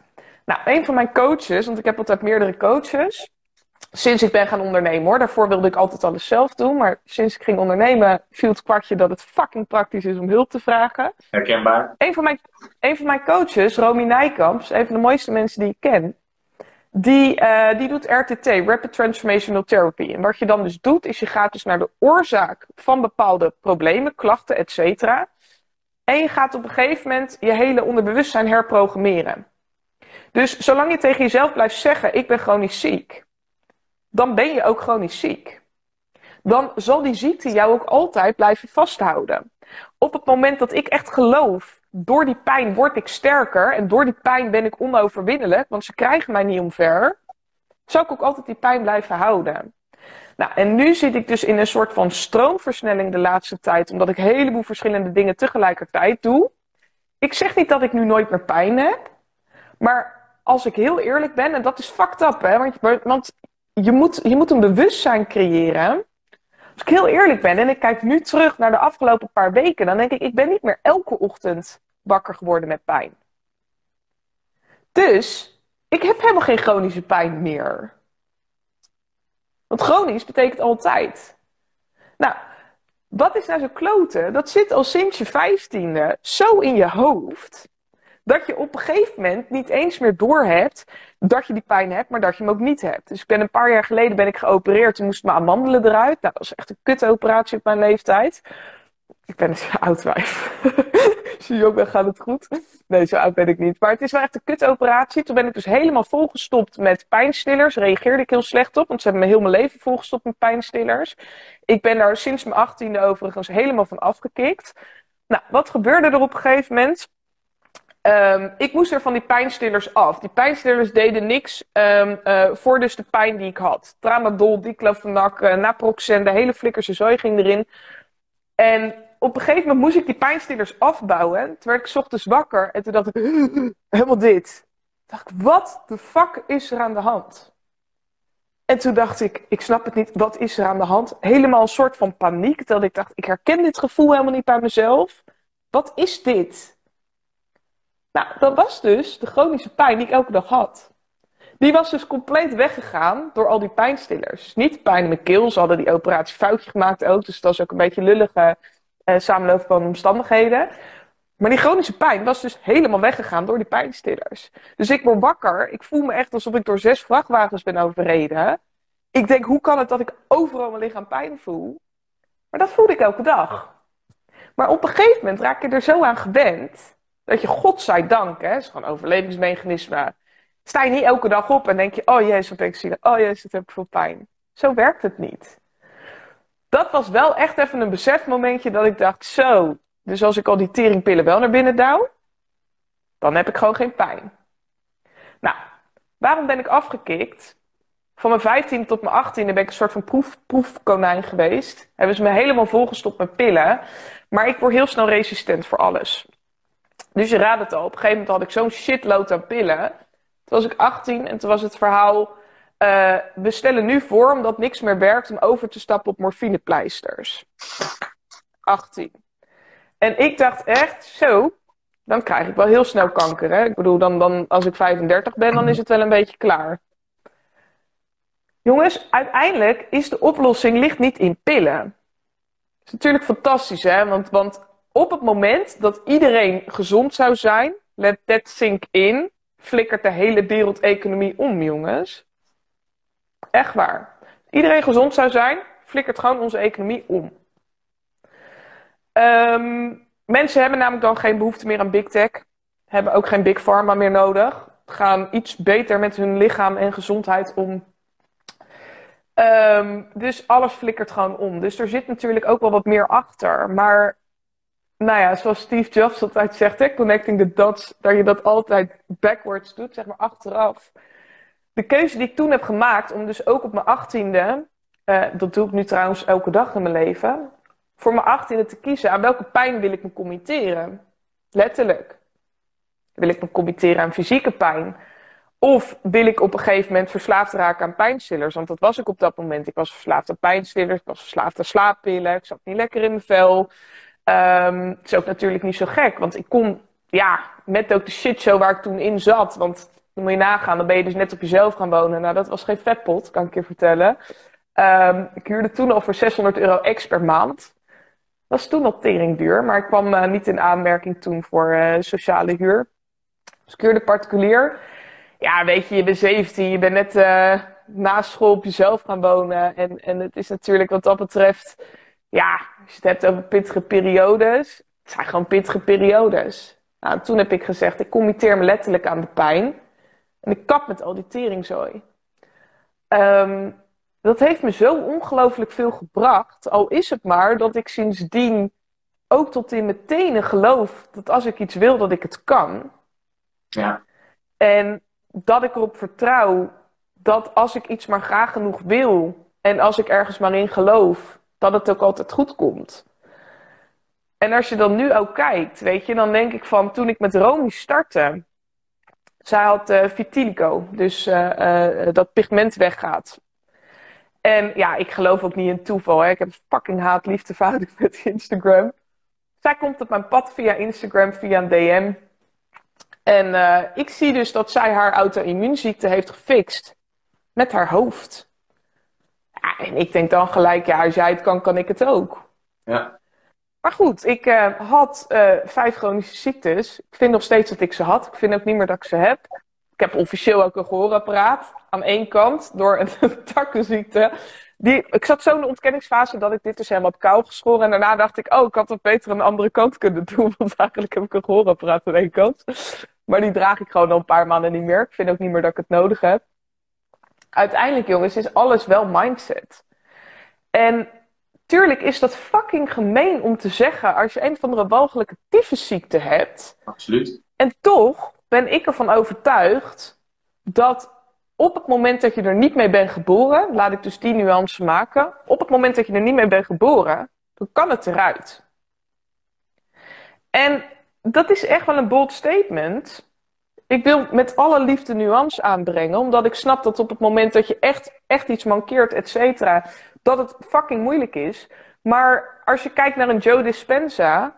Ik kijk dus altijd naar de mensen die staan waar ik wil staan. Doe die vent die kon ook niet meer lopen, hè? Nee. Dat is gewoon dezelfde kwantumfysica als die Romy Nijkamp uh, uh, toepast bij mij, bij zichzelf, ja. bij een heleboel mooie mensen. Dus het is op een gegeven moment ook maar net de vraag: wat wil jij geloven? Wil je geloven dat je gewoon niet ziek bent en dat je nooit meer beter wordt? Wil je geloven dat je niet kan werken omdat je zoveel pijn hebt? Wil je geloven dat het allemaal niet voor jou is weggelegd en dat de rest wonders zijn? Of ga je op een gegeven moment met je mind wel geloven dat het voor jou is weggelegd? En ga je eens kijken wat het universum voor jou in petto heeft. En of dat dan het universum is, of God of wat dan ook ik geloof in iets wat groter is dan mijzelf. Ik geloof dat alles energie is. Ik geloof in kwantumfysica. Het is gewoon wetenschappelijk. Ik geloof dat, dat die kast die hierachter staat, dat dat niks meer of minder is dan atomen. Die vast zijn geworden. Weet je, dus een heleboel dingen lijken wel zweverig. Zijn ze wel zweverig? Ik geloof ook dat er nooit iemand is geweest in het ziekenhuis. Niet de mensen zelf, hè, maar het hele principe daarachter, dat er nooit mensen bezig zijn geweest met het oplossen van de oorzaak. Het zijn namelijk altijd pleisters plakken geweest. En geloof me als ik zeg dat ik echt de meest irritante kutdingen heb meegemaakt met mijn lieve lichaam. Het is niet dat ik nooit wat heb mankeerd of wat dan ook, of, of, of dat ik alleen pijn heb aan de grote teen. Het rammelde echt aan alle kanten. En nu, wat ik nu merk, ehm, en dat is misschien ook nog wel een mooi om te noemen, ook al is het heel kwetsbaar. Er is in november is er een, een heel oud trauma omhoog gekomen. Wat twintig jaar geleden, of twintig jaar lang is onderdrukt. En dat is dus gebeurd toen ik kind was. Nou, ik ga erover niet in detail uh, praten, maar dat is op een gegeven moment omhoog gekomen op vakantie. En de mensen die bij mij op mijn mailinglijst staan, die weten dat. Want ik ben altijd bloedje eerlijk op de maandagochtend. En dan deel ik alles. Geen drama, maar wel wijze levenslessen. En een hoop ondernemerslessen. Maar toen deelde ik met ze dat ik dus echt in een sushi-restaurant zat in Gran Canaria. En dat ineens alles omhoog kwam. Kijk, als jij dus twintig jaar lang een trauma onderdrukt. Wat dus is gebeurd destijds toen ik 12 was op het moment dat je dat 20 jaar lang onderdrukt, is het natuurlijk niet zo gek dat jouw lichaam constant in een fight or flight modus zit. Dat het constant zichzelf aan het aanvallen is. Wat is er nu gebeurd tussen november en nu? Best wel een shitshow. Ik ben op een gegeven moment flauw gevallen. Um, uh, dat, dat gebeurde nogal vaak sowieso. Keihard met mijn hoofd tegen de muur aangekomen. Neus gebroken. Zware hersenschudding hartslag van 48 naar 115 in rust. Mijn longen die onwijs gek deden. Mijn lever die op een gegeven moment naar de tandjes ging. Mijn schildklier, alles erop en eraan. En nu, vandaag de dag, sinds een week of twee, is alles in balans. Dus soms, vaak altijd, moet iets fucking slecht gaan. Willen beter kunnen worden. Maar als je het mij vraagt, is dus nu het laatste beetje trauma mijn lijf uit. Want ik snapte gewoon niet, met al het werk wat ik had gedaan, waarom mijn lichaam nog steeds ziek was. Ik snapte het niet. Tot ik in november erachter kwam wat er twintig jaar daarvoor was gebeurd. En wat doet jouw hoofd uit beschermingsmechanismen? Die wist het uit je geheugen. Maar dat betekent niet dat het niet in je lichaam zit.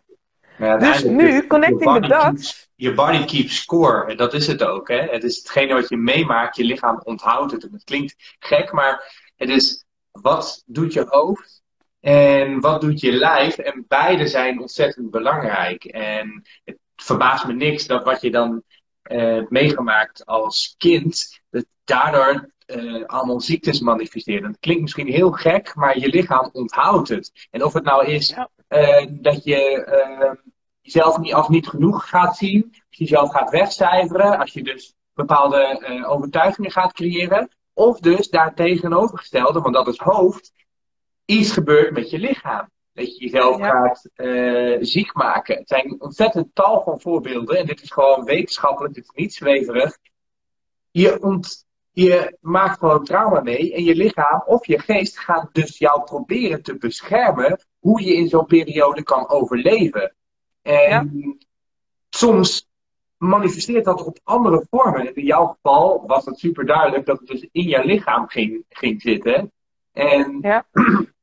later kom je daar dan achter. Ik ben nu bezig hiermee, maar ik heb ook nog een stukje lichaam. En als ik aan beide ga werken, dan kan ik weer dat stukje afpellen om echt mezelf te zijn. En mijn body keeps score. En twintig jaar later zie ik nog steeds, wacht eens even. En ik denk zelfs dat toen je dat inzicht had op Gran Canaria, dat jouw lichaam gewoon um, nog ging protesteren. Want ook jouw lichaam, net als jouw geest, wil vasthouden aan het oude. En ik omschrijf het altijd als het oude ik. Hè? Dit is het oude ik, dit is het nieuwe ik. En in die tussenfase heb je zo'n zo'n zo'n een, een ruwe zee waar je dan op mag varen. En vaak is die ruwe zee gecreëerd op het oude wat vast wil houden aan wat er is. Want dat is veilig. En holy shit, mijn lichaam die denkt, wat gebeurt er straks als we dit niet meer hebben? Ik ken dit al sinds mijn vijftiende, ja. zoals je dat zegt. En hetzelfde is met jouw hoofd.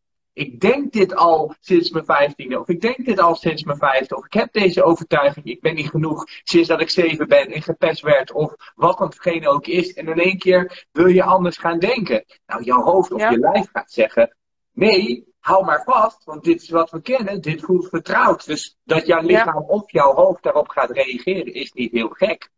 En, nou ja, kijk, weet je wat het ook is? Kijk, als je dus terugkijkt, het gebeurde op mijn twaalfde.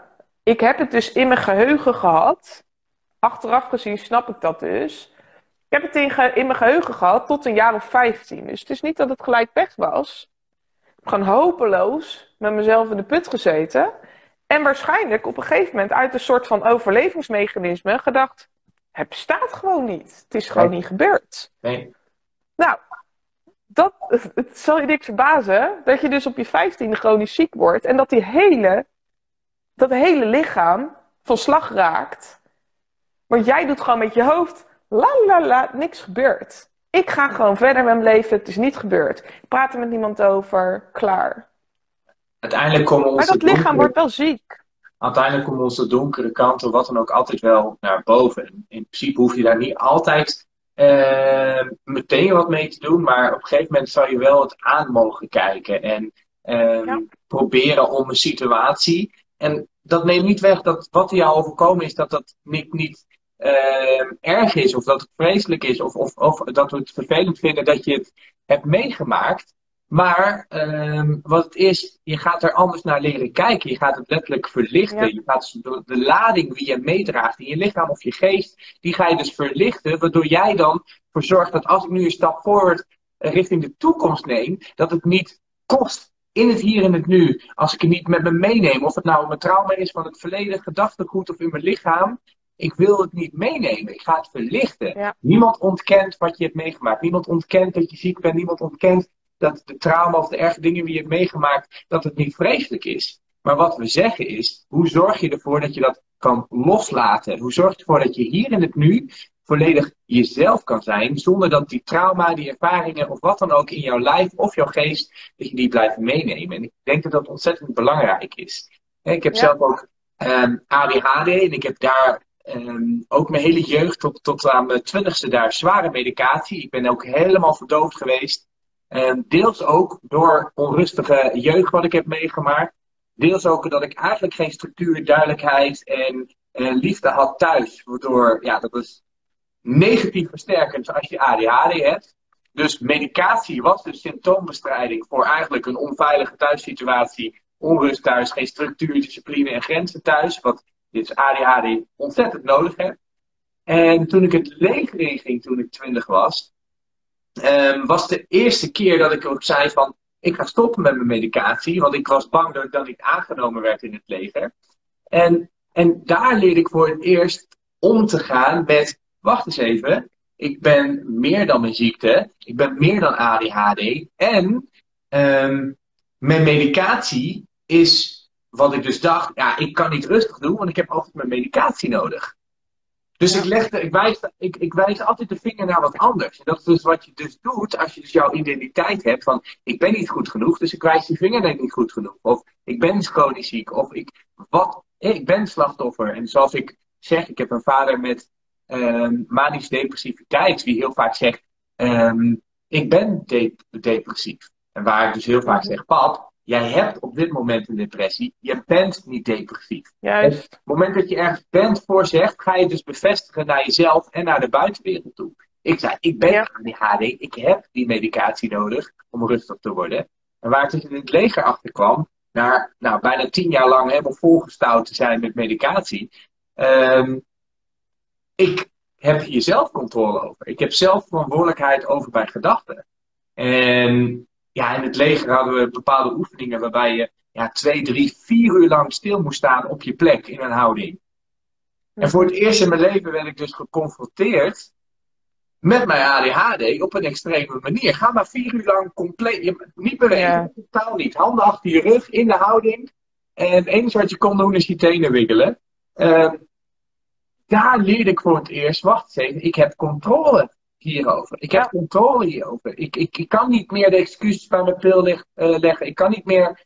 Ik ben meer dan mijn ADHD. En Ja. ik herken dat verhaal heel erg dat je dus zegt, los van de medicatie, wie ben ik nou eigenlijk echt en hoe kan ik daar uh, mee omgaan? En of het nou een lichaam of geest is, we kunnen manieren vinden om ermee om te gaan. En wat ik ook nog op wilde reageren is, sommige dingen gaan misschien niet weg. Maar door middel aan je lichaam en naar je geest te werken, kun je de randvoorwaarden daaromheen verlichten. En dat is altijd Ja. goed. Je kunt altijd manieren vinden om positiever te denken, aan je mindset te werken, bezig met je lichaam. Dat ook al is het probleem daar nog wel aanwezig en ook al gaat het niet weg zo- zoals je misschien hoopt, alles daaromheen is anders. En dat verlicht automatisch alles daaromheen. Ja, je bent nou manisch depressief, oké. Maar wat kun je daaromheen doen om het te verlichten? Je hebt deze trauma meegemaakt. Wat kun je daaromheen doen om het te verlichten? En dat is ook zo ontzettend waardevol om dat te doen. Want dat helpt zo mee. Op alle aspecten zorgen dat je verlichting krijgt, helpt zo mee om ook het zware aan te gaan en daar beter mee leren om te gaan. Als je al die aspecten daaromheen meer rust ervaart, ja, hoe fijn is het dan dat je dan de ruimte en de draagkracht voelt om het zware aan te pakken. En dat ja, maar weet je, wat het, weet je wat het ook nog is? Kijk, ehm, op het moment dat. Um, dat was voor mij op een gegeven moment ook wel echt een eye-opener. Kijk, ik, ik raakte best wel eens getriggerd in mijn leven. Dus dan zei iemand bijvoorbeeld iets tegen me. Ehm, en dan raakte ik getriggerd. Dus op een gegeven moment, hè, als Romy bijvoorbeeld tegen me zei van ja, zolang jij gaat zeggen dat je chronisch ziek bent, dan ben je dat ook wel. Het is natuurlijk best hard als iemand dat tegen je zegt. Ehm, of bijvoorbeeld van hè, op het moment dat je dit blijft geloven, ja, dan hou je het ook zelf in stand. Want uiteindelijk brengt die ziekte je ook vaak nog iets. Hè? Dat is heel gek maar brengt je altijd iets. Absoluut. Is voor iedereen anders, maar je kan jezelf op een gegeven moment afvragen van ja, maar wat brengt het mij nou eigenlijk? Want daarom hou je het op een gegeven moment ook nog in stand.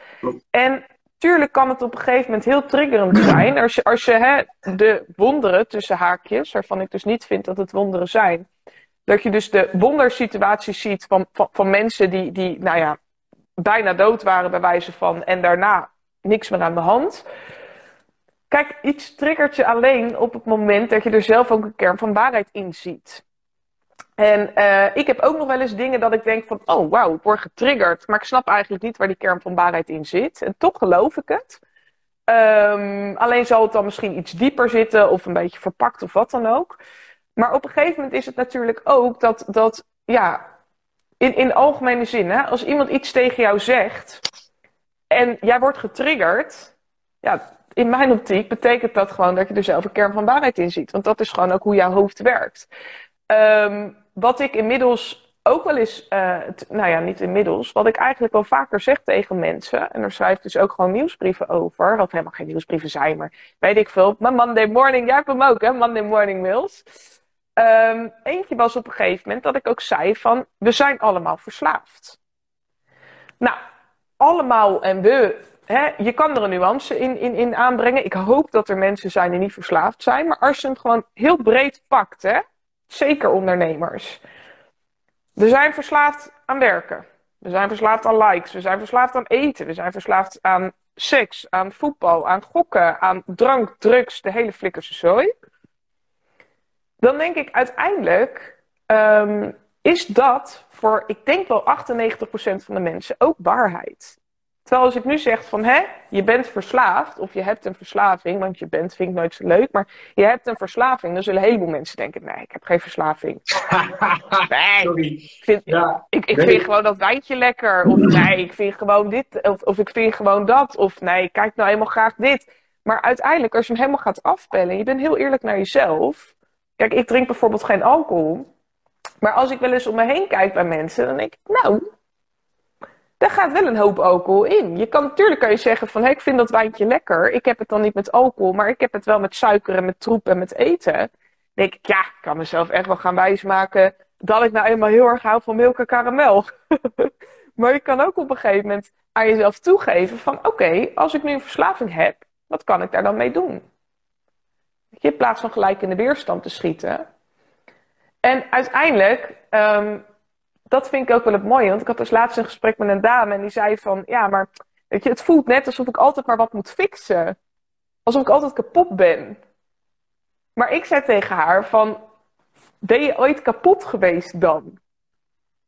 Nee, eigenlijk is, is je, wat je dus uiteindelijk leert... En, en, en zoals ik dat tegen mijn klant ook altijd zeg... Bewustwording is alles hoe eerlijker we naar onszelf kunnen kijken, hoe eerlijker we naar onze keuzes, hoe bewuster we zijn van onze gedachten en wat we doen, hoe realistischer, realistischer we zijn naar onszelf toe, maar ook hoe bewuster we zijn van wat de invloed heeft van eh, voeding, social media, alles in de omgeving, wat stress met ons doet.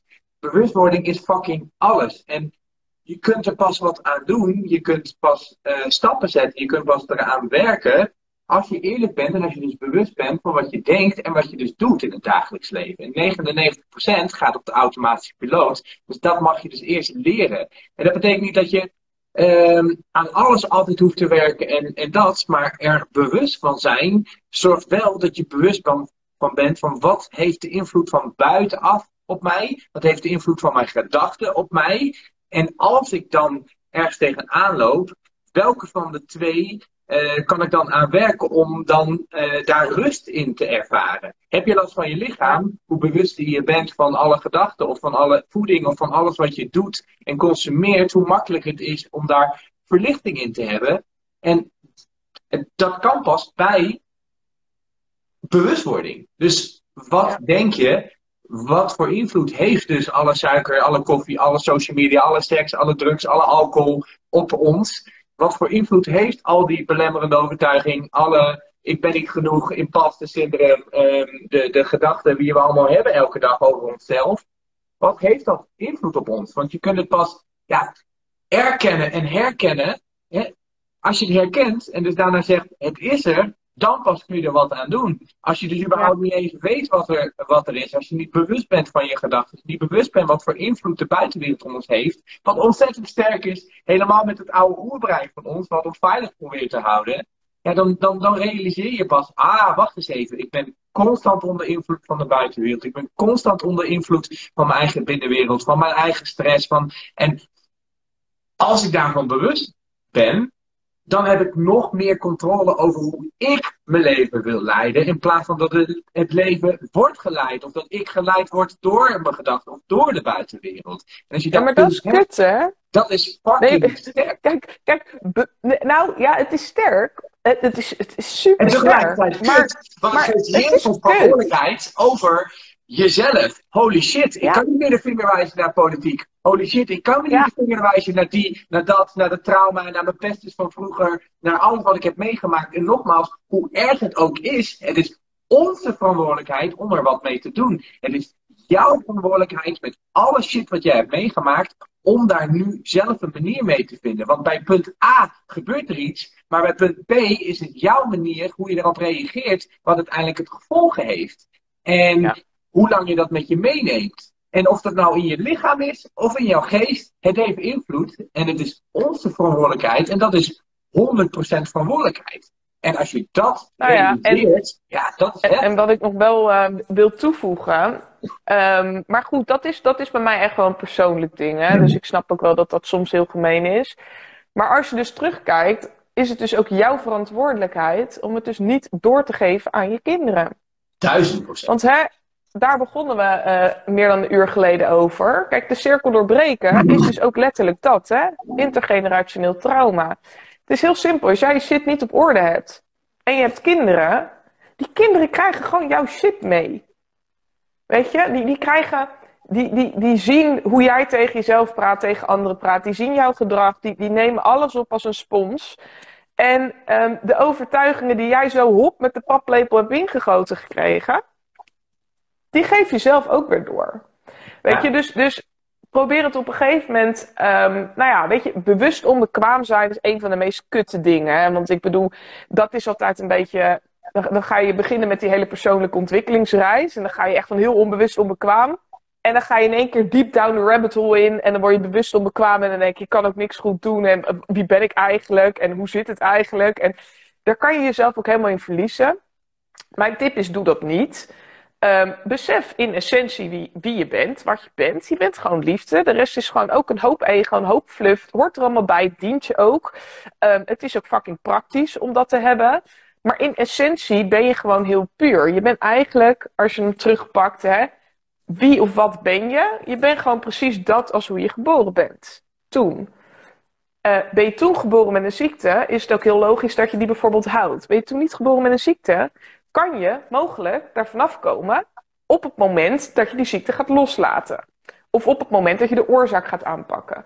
Maar probeer ook niet um, uh, in de verleiding te gaan dat je op een gegeven moment jezelf dus helemaal in de grond gaat trappen. En dat je gaat zeggen, oh, dus alles wat ik nu in mijn leven, alles wat kut is, heb ik zelf gemanifesteerd.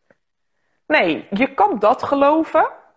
Ja, ik bedoel, op een gegeven moment dacht ik ook, toen, toen mijn persoonlijke ontwikkelingsreis begon met The Secret, ik, denk, ik, ik, denk met best wel wat mensen uh, die dat herkennen, toen dacht ik dus ook, toen las ik dat, en toen dacht ik, oh, dus al die tyfus zo heb ik zelf aangetrokken.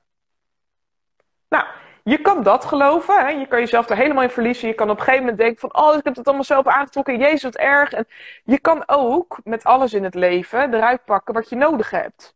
Dus ik ging op een gegeven moment nadenken, nadat ik dus wel eventjes had bedacht van, oké, ik heb dus alles zelf aangetrokken. Toen dacht ik, ja, weet je, er zit wel een kern van waarheid in, maar wat is dat dan precies? Toen dacht ik heel simpel, terugkijkend op mijn leven, ik was echt een hittepetitje vroeger. Dus op het moment dat ik zelf een ander soort kind was geweest, ik had anders gereageerd, ik was minder fel geweest, had ik dus ook een ander gevolg gehad. Betekent niet dat ik elk trauma in mijn leven zelf heb aangetrokken. Betekent wel dat door mijn eigen gedrag, door mijn eigen reactie op dingen, er wel een kettingreactie ontstond. dus het begint dan, net als met gedachten, als een simpele gedachte, als een sneeuwvlokje. En voordat je het weet, is het een gigantische sneeuwbal. Heb je een hele lawine veroorzaakt door dat ene sneeuwvlokje. Nou, dat, zo, zo vind ik dat je dus dingen mag gaan bekijken.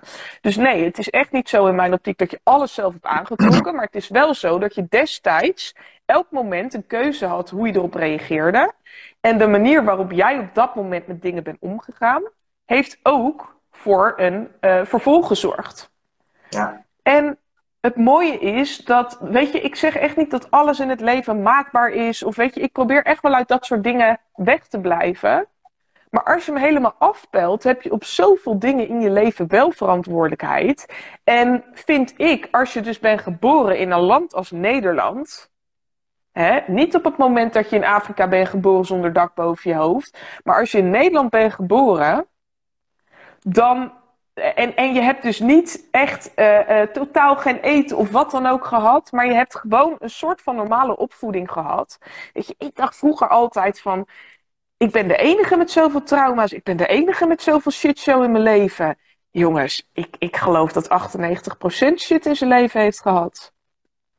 Weet je, dus, dus het is ook bijna arrogant om dan te denken dat jij de enige bent. En ik dacht vroeger echt nou, ik ben echt een soort van superwoman. Nog steeds denk ik dat wel eens, daar niet van. Mag ook, denk ik. Maar als je dan eens om je heen kijkt, daar wordt heel weinig over gesproken. Maar zoveel mensen hebben shit meegemaakt. Zoveel mensen hebben op dit moment shit. Ja. Alleen, ja, als je nu terugkijkt naar, de, naar die hele coronacrisis. Um, hoe moet ik dat uitleggen? Zo'n lockdown was voor mij het beste wat me is overkomen. Toen dacht ik namelijk echt, ik zo, ik heb echt helemaal niks, niks nodig om gelukkig te zijn. Um, door die coronacrisis, dat was zeker de aanleiding. Ik dacht altijd heel mijn leven, ik wil controle en zekerheid. En daarom wil ik niet gaan ondernemen. Ja, dat is logisch als je het en, en, en hè, uit huis gaat. Dan heb je controle en zekerheid nodig. Dan wil je een vast inkomen. Dat is gewoon een oud verhaal wat ik mezelf zat te vertellen.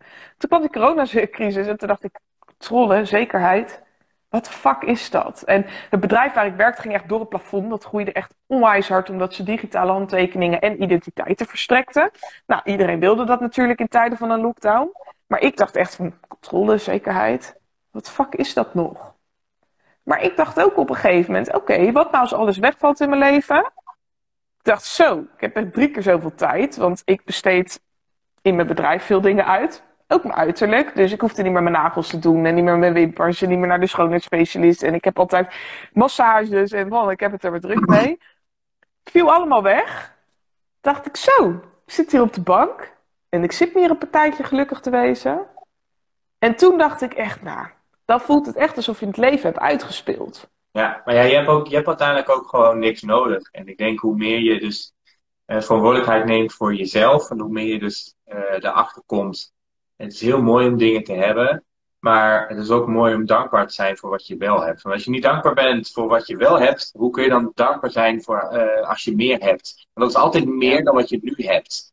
En, en dus als je meer dan wat je nu hebt en dan nog steeds ondankbaar bent, ja, weet je, dat is een visuele cirkel. En hoe eerder je dus dankbaar bent voor wat je nu hebt, uh, ook al is dat nog niet genoeg, ja, boeien, laat dat los en, en, en geniet En realiseer dat geluk veel meer in de kleine dingen zit. En dat hoop ik in so op social media probeer ik dat nu ook heel vaak te delen. We hebben veel meer gewone momenten dan heel veel bijzondere momenten. In, in een relatie, in, in, in vriendschappen, in het leven zelf.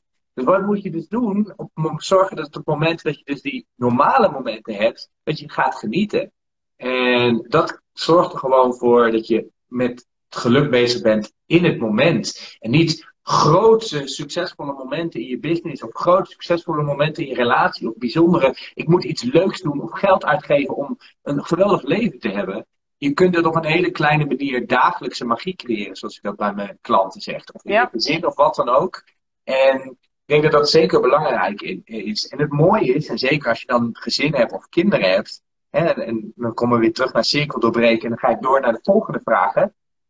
Um, ja, dit is de grootste reden waarom ik dus mijn doelgroep ondernemende moeders heb. Uh, want als ik zorg dat zij gelukkig zijn, dus als ik dat zeg, een gelukkige moeder, succesvol bedrijf, op het moment dat je dat ervaart, dan dat is wat je doorgeeft aan je kinderen. Dat is de volgende, volgende generatie, wat je ervoor zorgt dat ze rust ervaren. Dus je weet niet half hoe sterk ik, daarom dat ik ook aanging toen je zei cirkels doorbreken. Dat is de reden dat ik mijn doelgroep nu naar ondernemende moeders heb veranderd. Omdat ik dus zo belangrijk vind, is dat we niet doorgeven wat we eenmaal hebben. En dat is onze verantwoordelijkheid, niet je kind verantwoordelijkheid.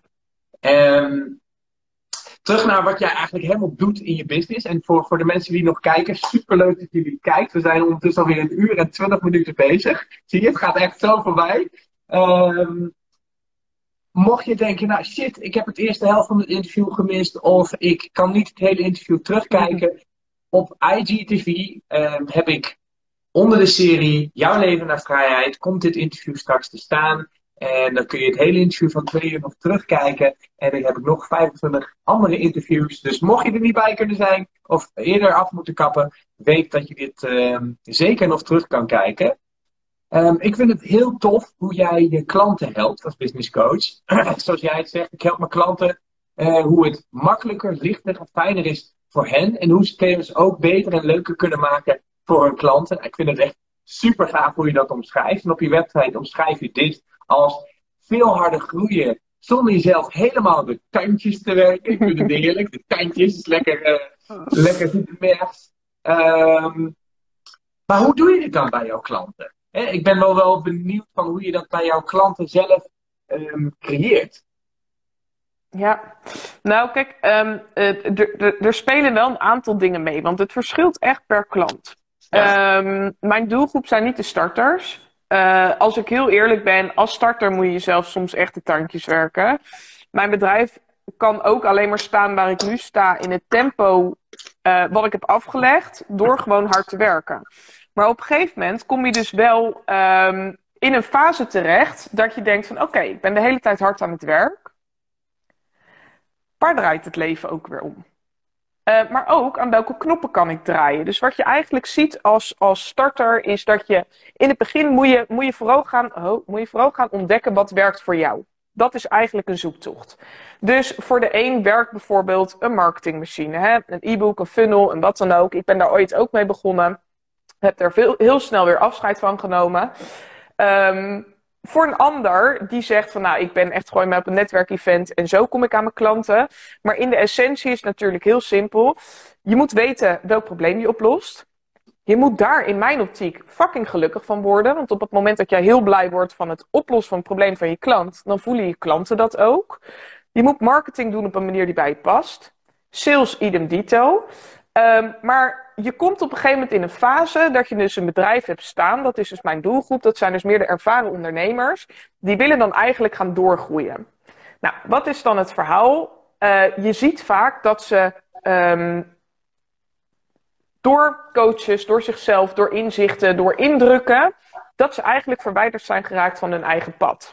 Dus dat ze eigenlijk niet meer zo goed weten, als ze nu helemaal terugpakken naar die, naar die essentie, daarom ben ik nou gaan ondernemen, dan denken ze van ja, ja, er komt heel veel geld binnen en ik geef masterclasses en ik heb ads draaien en, um, um, en dat werkt allemaal fantastisch.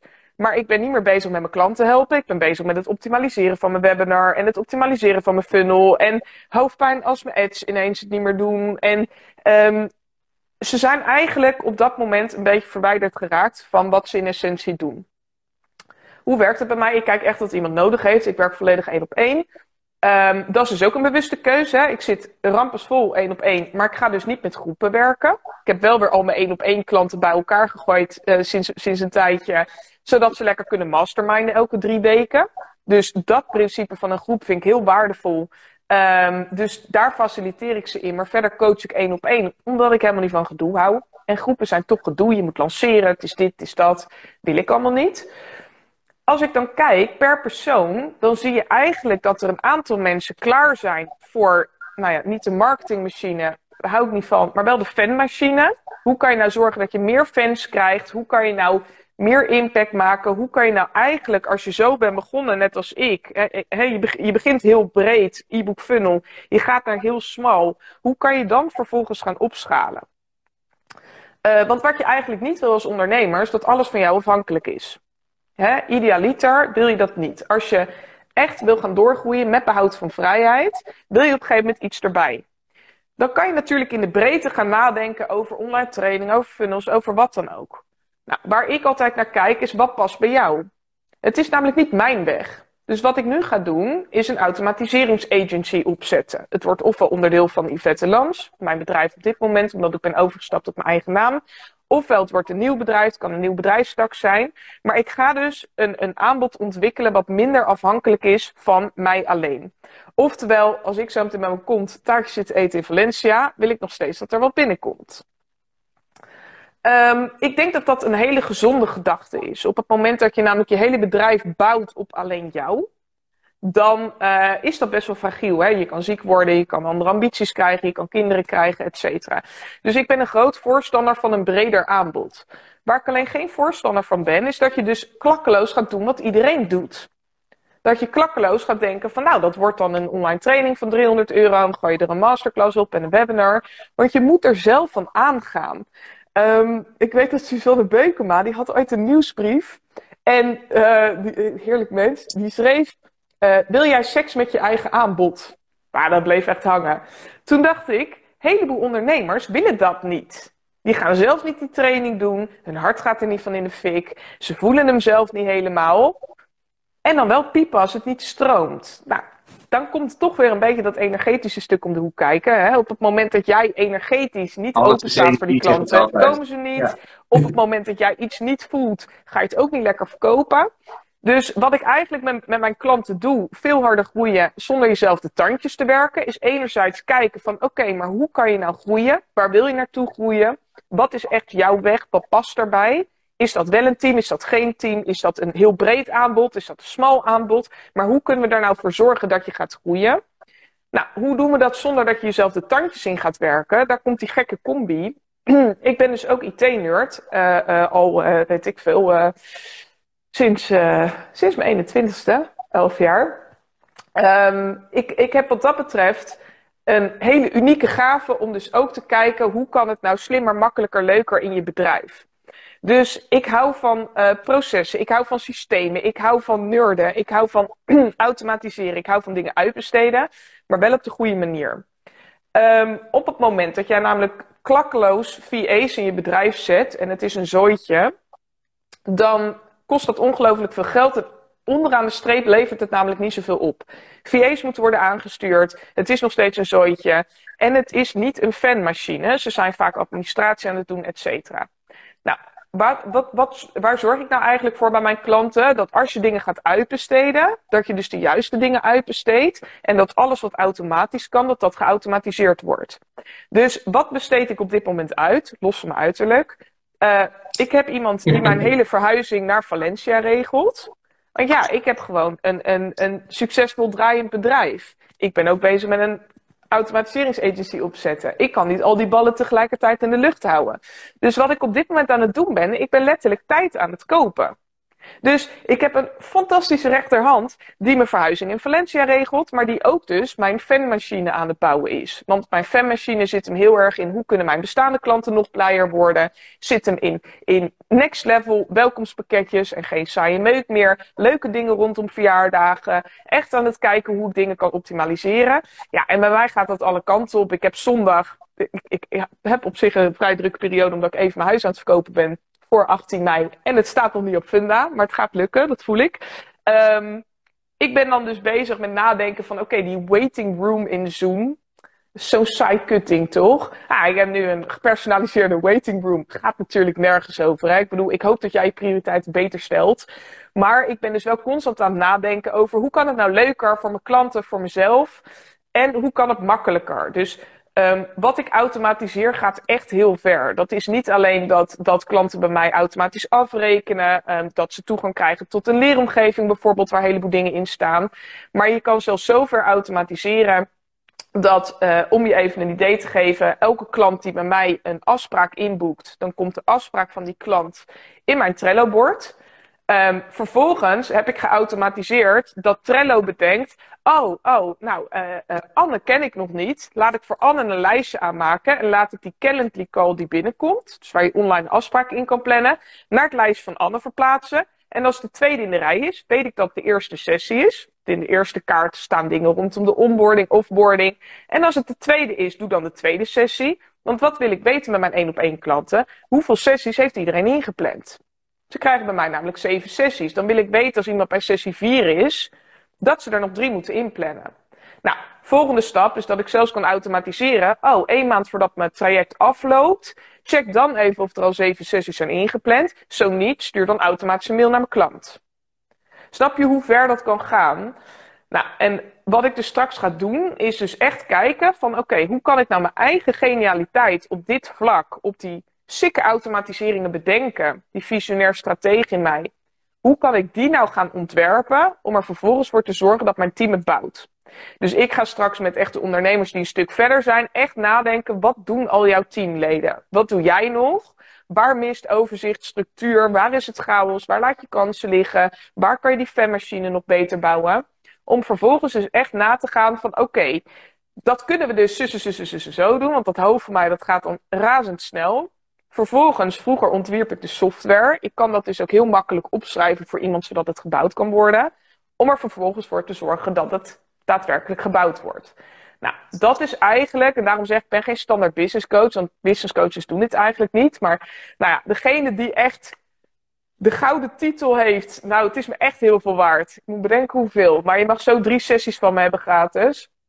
Um, ik wil dus ergens beter kunnen verwoorden wat ik nou eigenlijk doe voor klanten. Maar jouw vraag van hè, veel harder groeien zonder jezelf de tandjes te werken, dat is dus eigenlijk dit. Het is echt een samenloop van hoe kan je nou een aanbod, een ideale klant hebben die goed bij je past? Hoe kan je nou doen waar je hart van in de fik gaat? Hoeveel wil je überhaupt werken?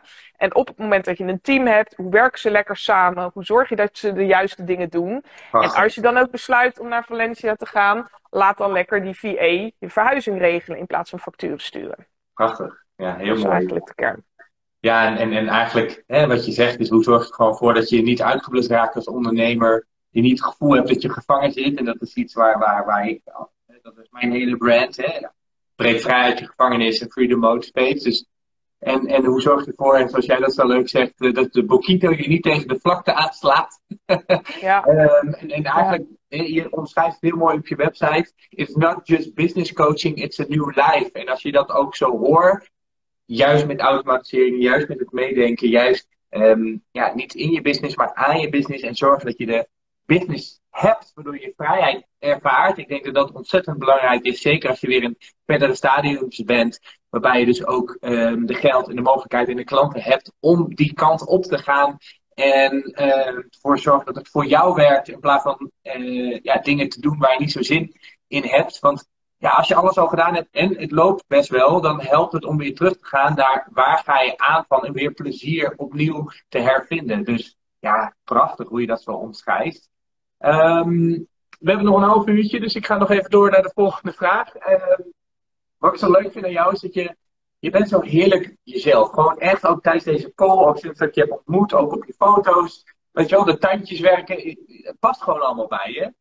Um, en je komt gewoon heel natuurlijk over als ondernemer. Was dit nog een tocht van jou om dat uh, online te doen? Was het nog een tocht van jou om zo natuurlijk over te komen? Of was je het gewoon van het begin af aan, this is me, accept me who the fuck I am. En uh, ja. daar ben ik wel benieuwd naar. Nou, het, het is anders dan dat je verwacht.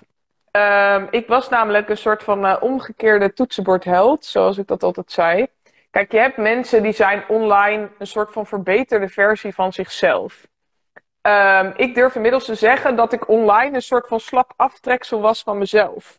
Um, dus ik heb nu een nieuwe website, nieuw branding, nieuwe foto's. Um, daar heb ik ook echt iemand voor ingehuurd die dat heel erg goed naar, naar, naar boven kon halen. Want hiervoor had ik echt uh, uh, liefelijk lichtroze websites. Ik heb een heleboel websites gehad. Mijn vent is de beste webdeveloper van Nederland. Ik ben zijn meest vervelende klant inmiddels. Want ik heb denk ik al zeven websites gehad in uh, anderhalf jaar tijd. Niet doorvertellen. Um, mijn websites waren altijd poeslief. Poeslieve foto's, uh, kop, kopje thee in mijn hand. Um, lief. Alles was lief. Uh, lieve teksten, lieve foto's, lief. Nou ben ik echt heel lief, maar mijn klanten zullen mij uh, omschrijven als liefdevol confronterend. Um, ik ben namelijk super lief, maar ik ben ook snoeihard. Je komt bij mij echt niet weg met bullshit, maar dan ook echt niet. En het leuke daaraan is dus dat ik heb op een gegeven moment dus uh, de branddesigner ook de opdracht gegeven dat ik dus die contrasten wilde ik dus ook terugzien op mijn website. Dus waar ik de ene keer echt met middelvingers op de foto sta, heb ik de andere keer wel heel lief. Maar zie je ook dat ik gewoon uh, nou ja, helemaal onder de tato's zit. Leuk verhaal, die heb ik overigens anderhalve sleeve in één week laten zetten. 32 uur tatoeëren. Jongens, doe het niet. Het was fucking praktisch. Het was tijdsefficiënt. 32 uur is te veel. Want je bent zo heerlijk jezelf gewoon. Dit, gewoon dit, dit te zeggen. Gewoon even ja, de ja. opmerkingen doorheen. Maar was ja. dat nog voor jou dan een, een, een tocht? Want een website is één ding, maar uh, gewoon het algemeen, je profileren online als jezelf. Heb je daar moeite mee gehad? Nou, ik, ik heb dus vooral moeite gehad met online overkomen hoe ik echt ben. Ja. Dus, dus deze versie in foto's, in, in branding, in teksten, om die versie over te krijgen. Um, dus ik, ik, ik was een beetje lievig of zo online. Um, dus, dus niet die chick, nou ja, die dus vroeger zwart, blauw, groen haar had. Nou ja, nu heb ik ook wel weer mijn haar opgeschoren, dat is ook wel bob move. Maar um, ik, ik was ergens gewoon een soort van te lief. Dus ik heb nooit moeite gehad met mezelf te zijn als ondernemer. Ik heb altijd heel duidelijk mijn eigen pad gekozen. Nou, ik ben uh, anderhalf jaar, of kleine anderhalf jaar door Tineke gecoacht. En ik zei ook altijd tegen Tineke van ja, het is echt heel leuk. Ik snap dat dit werkt, maar ik ga het niet doen. Weet je, die kern was altijd al heel sterk. Ik heb altijd heel erg mijn eigen pad bewandeld wat dat betreft. Ik heb ook, als ik terugkijk uh, de afgelopen anderhalf jaar, heb ik het ook best wel anders gedaan dan de rest. Waar iedereen de standaard machine optuigt, om het zo maar even te zeggen, ging ik altijd mijn eigen gang. Dus nu ook, weet je, ik heb gewoon één, één op één programma. Er zit geen gelaagdheid in mijn aanbod. Ik heb helemaal niks gratis, behalve gewoon mijn mail op de maandagochtend. De content die ik deel, mijn podcast, dat soort dingen. Maar geen freebies, producten, wat dan ook. En tegelijkertijd ben ik wel weer heel erg aan het ontdekken van... oké, hoe kan ik dat op een manier doen die voor mij werkt? Dus ik heb één geniale training. Die staat op dit moment niet eens op mijn site. Ik ben iets te luider voor. Maar als iemand bijvoorbeeld in een mailtje op een link klikt... dan komt die automatisch op je Trello-bord terecht. Die stond wel op mijn oude uh, website. Um, staat inmiddels gewoon in mijn leeromgeving. Alleen ik moet daar nog even de salespagina voor, uh, uh, voor maken, voor laten maken. Um, ik zou die bijvoorbeeld willen verkopen via ads. Maar wel op een manier die bij mij past. Want het zou voor mij geen. geen uh, het heeft maar geen gelddrive. Die training is geniaal. Maar ik wil vooral dat de mensen overzicht hebben in hun leads. Hè? Want het zijn alle stiekeme mensen die wel kijken op salespagina. Maar toch geen call aanvragen. Nou, die staan bij mij. Hi. Allemaal op het Trello-bord. dus um, ik gun ondernemers dat. Tegelijkertijd denk ik, heb ik zelf en al die zin met die ads en gedoe en hoofdpijn. En hè, ik doe het niet voor het geld. Nou, dan is het start with the end in mind. Straks kan ik misschien wel weer die mensen voor die automatiseringsagency op een bepaalde manier gaan helpen. Nou, dan ga ik nadenken, strategisch gezien, oké, okay, hoe wil ik dat doen? Wil ik directe ads op die training of wil ik een gratis product? Nou, je wil eigenlijk beide testen. Ik voel gewoon niks met een e-book of een checklist of wat dan ook. Maar dan denk ik, oh, ik heb ook echt een hele toffe verjaardagen automatisering. Die kan ik dan als gratis product doen.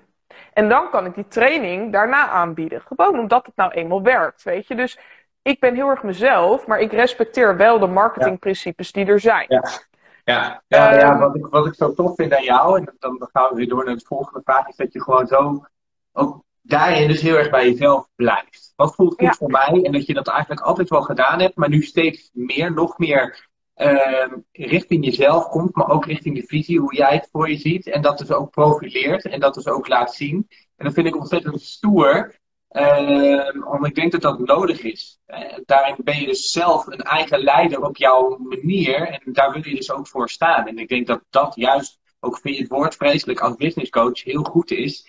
Uh, want dit is iets waar jij achter staat. Dit is anders. En dat maakt jou dus automatisch iemand die zijn eigen pad volgt. En dat trekt dus ook weer mensen aan, wat ik heel tof vind. Um, nou ja, en ik help dus ook wel uh, echt mijn klanten daarbij.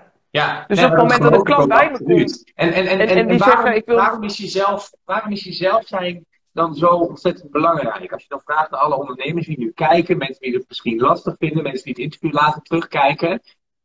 Waarom is jezelf zijn zo ontzettend belangrijk?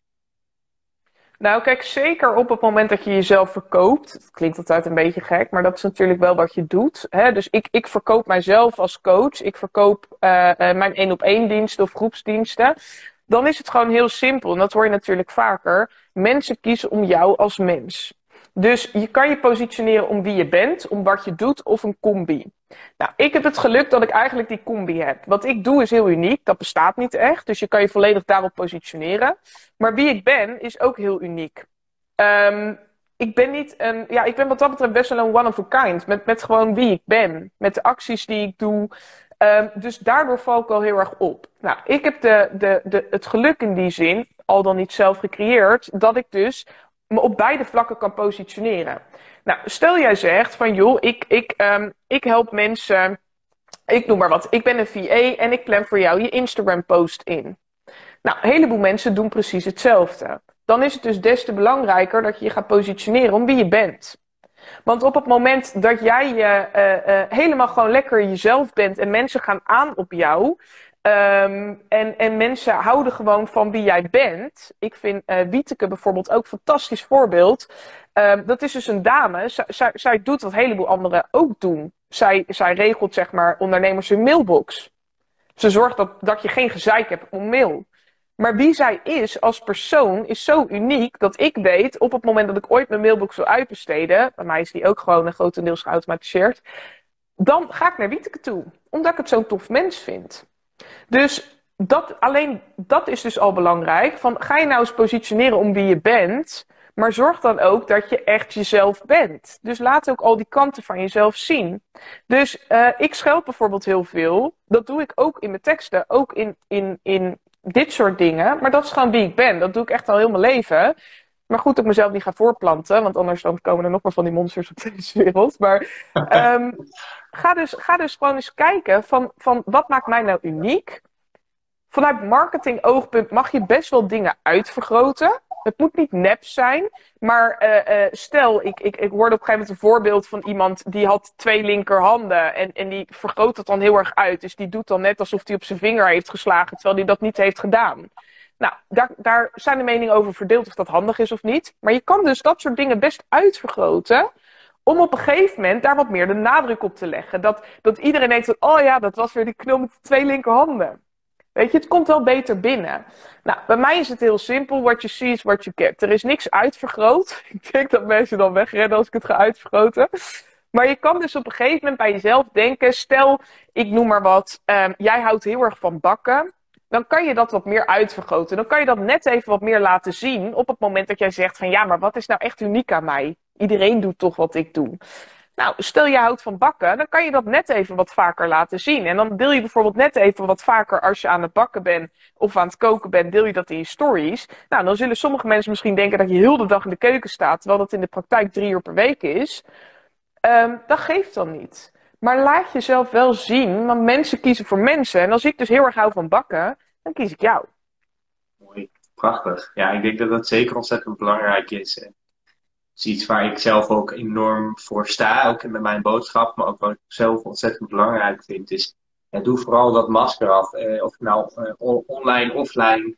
Um, jezelf zijn maakt je gewoon een stuk gelukkiger. En als je dat dan ook nog kan gebruiken als ondernemer, uh, dat je jezelf kan zijn bij je klanten, dat je jezelf kan zijn in je teksten, dat je jezelf kan zijn op video, dat je jezelf gewoon kan zijn op, sommige momenten wat jou maakt. En dat je dat niet hoeft in te houden, dat zorgt gewoon dat je meer rust ervaart. Dat je gewoon happier bent met hetgene wat je doet dagelijks. Op het moment dat je je in moet houden en op een bepaalde manier kun je natuurlijk wel professioneel zijn.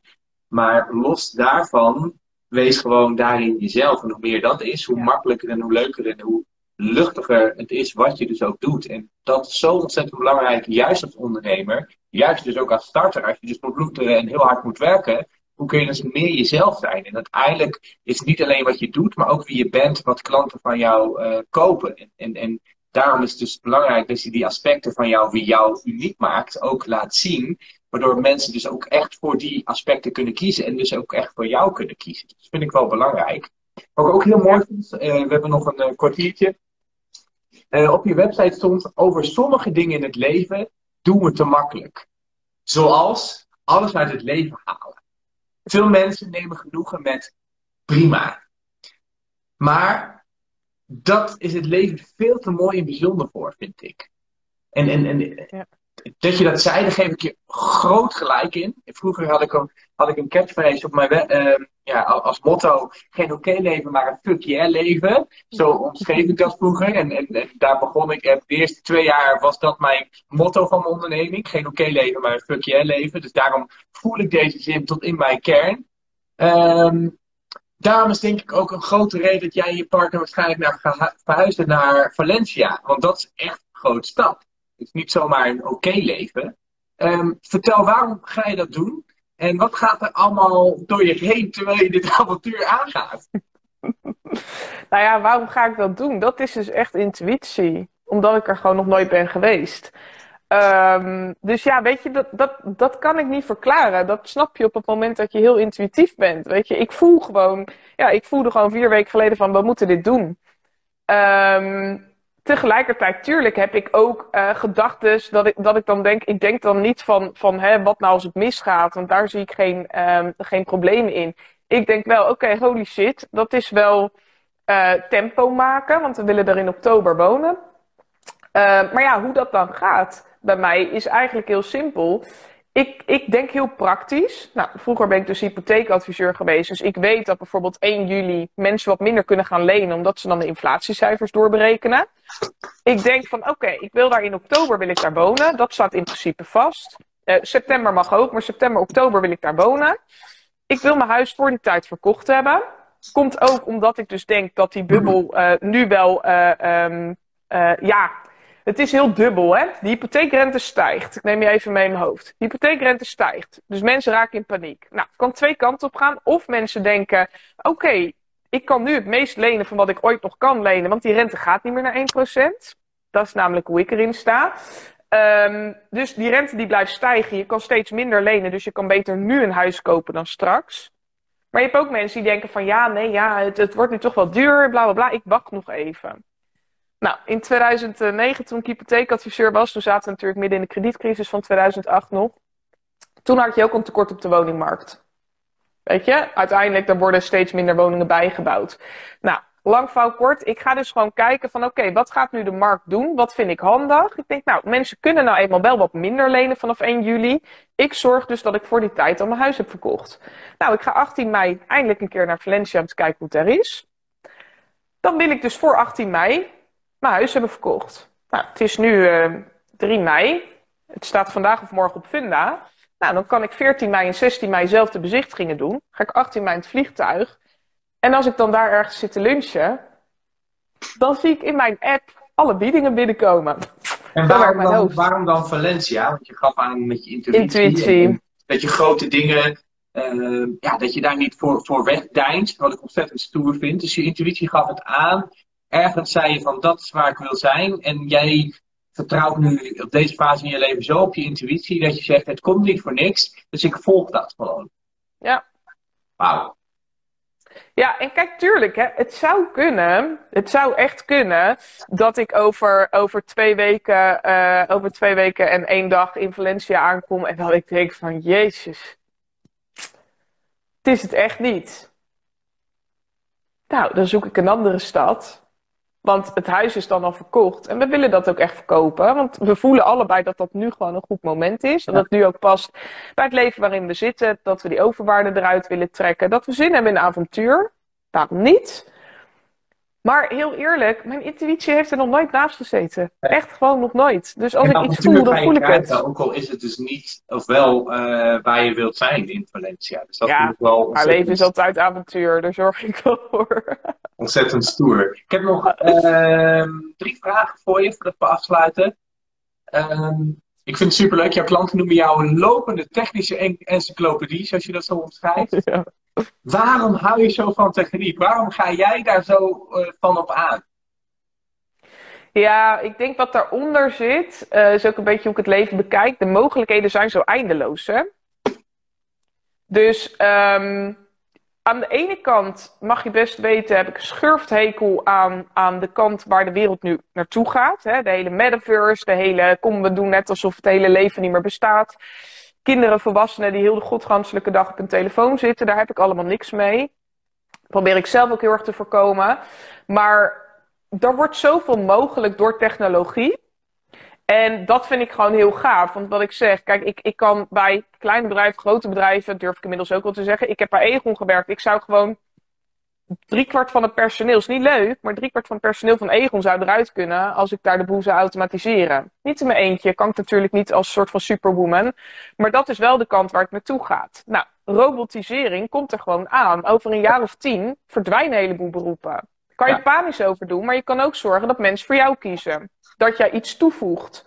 Dus over tien jaar hebben we vast wel machines die bedenken hoe je de beste strategie kan berekenen. Maar je hebt niemand die de betrokken coach is in een robot. Nou, en ik hou dus eigenlijk van de combi. Ik hou dus van alle mogelijkheden die techniek biedt. En tegelijkertijd kijken hoe je het dan zo persoonlijk mogelijk kan maken. Hoe je jezelf nog steeds kan onderscheiden. Um, maar ga alsjeblieft niet dingen zelf doen die een machine beter voor je kan doen. En foutlozer en sneller en goedkoper dat vind ik gewoon zonde. Gaaf. Leuk, leuk. Ja, en je noemt jezelf ook als IT-nerd en ik hou er wat van. En ik vind het ook super tof. Weet je wel, wie de fuck denkt erna over hoe je de wachtruimte bij Zoom kan veranderen? Nou, serieus, daar ben je echt wel een IT-nerd voor. Want ik heb er in ieder geval nooit over nagedacht. Dus dat zegt van mij al genoeg. Maar, en en als ik je er ook constant ook over hoor praten, mijn radertjes gaan er nu in dit interview ook uh, van, van draaien. En dat vind ik dus altijd leuk als ik dus mensen interview. Um, naast dat ik van diepe gesprekken hou, wil ik ook graag leren en geïnspireerd raken. En juist dit soort dingen vind ik super tof. En jij brengt dus weer een heel ander inzicht, een heel ander idee vanuit jouw technische aspect bij. En vanuit het automatiseren, wat ik ontzettend tof vind. En zeker nog heel veel van meer zou willen weten. Dus ik uh, hou je gewoon lekker dichtbij me de komende periode, de komende tijd. Gewoon wie weet kan ik daar nog wat tips en uh, adviezen uit krijgen. Ik vind het wel heel grappig. Even een vraag, hè. Een random fact van jou. Ook voor de mensen die luisteren. Ik ben hier heel benieuwd naar hoe kun je op een trampoline een boek lezen? Ja, dat is geniaal. staan dus tientallen boeken per jaar. Ik heb twee jaar geleden heb ik Tony Robbins gevolgd. En toen heb ik ook zo'n mini-trampoline gekocht. Die is na een maand kapot gegaan, omdat ik een maand lang elke dag 20 minuten erop dat ding zat te, te springen. Ja, ik ben, nou, ik ben twee, twee, meter lang bijna, ik ben 100 kilo. Nou, dat ding is wel ja, kilo iets anders. Maar elke dag een half uur springen, dat ging niet. Ik deed dat met een luisterboek. Dus elke ochtend zat ik te trainen en een luisterboek. Maar hoe kun je met een gewoon boek op een trampoline nou, lezen? Dat is een beetje een je, je voor kan, mensen, maar...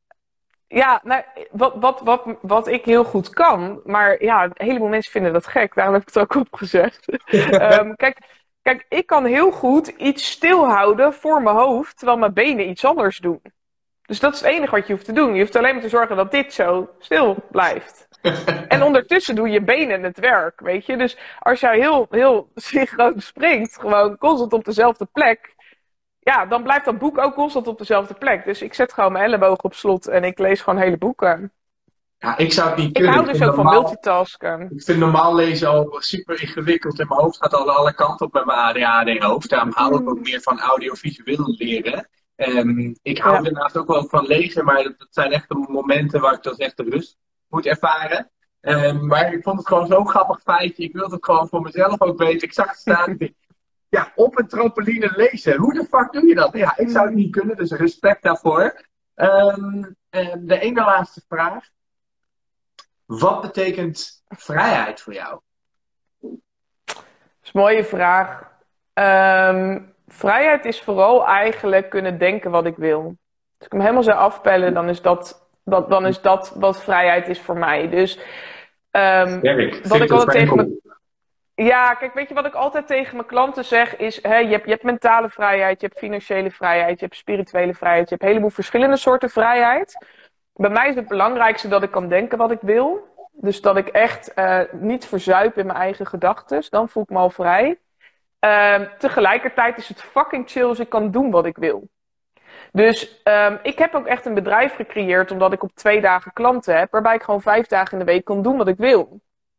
Um, daardoor kan ik altijd vijf dagen naar Valencia toe, zonder dat mijn klanten er last van hebben, bijvoorbeeld.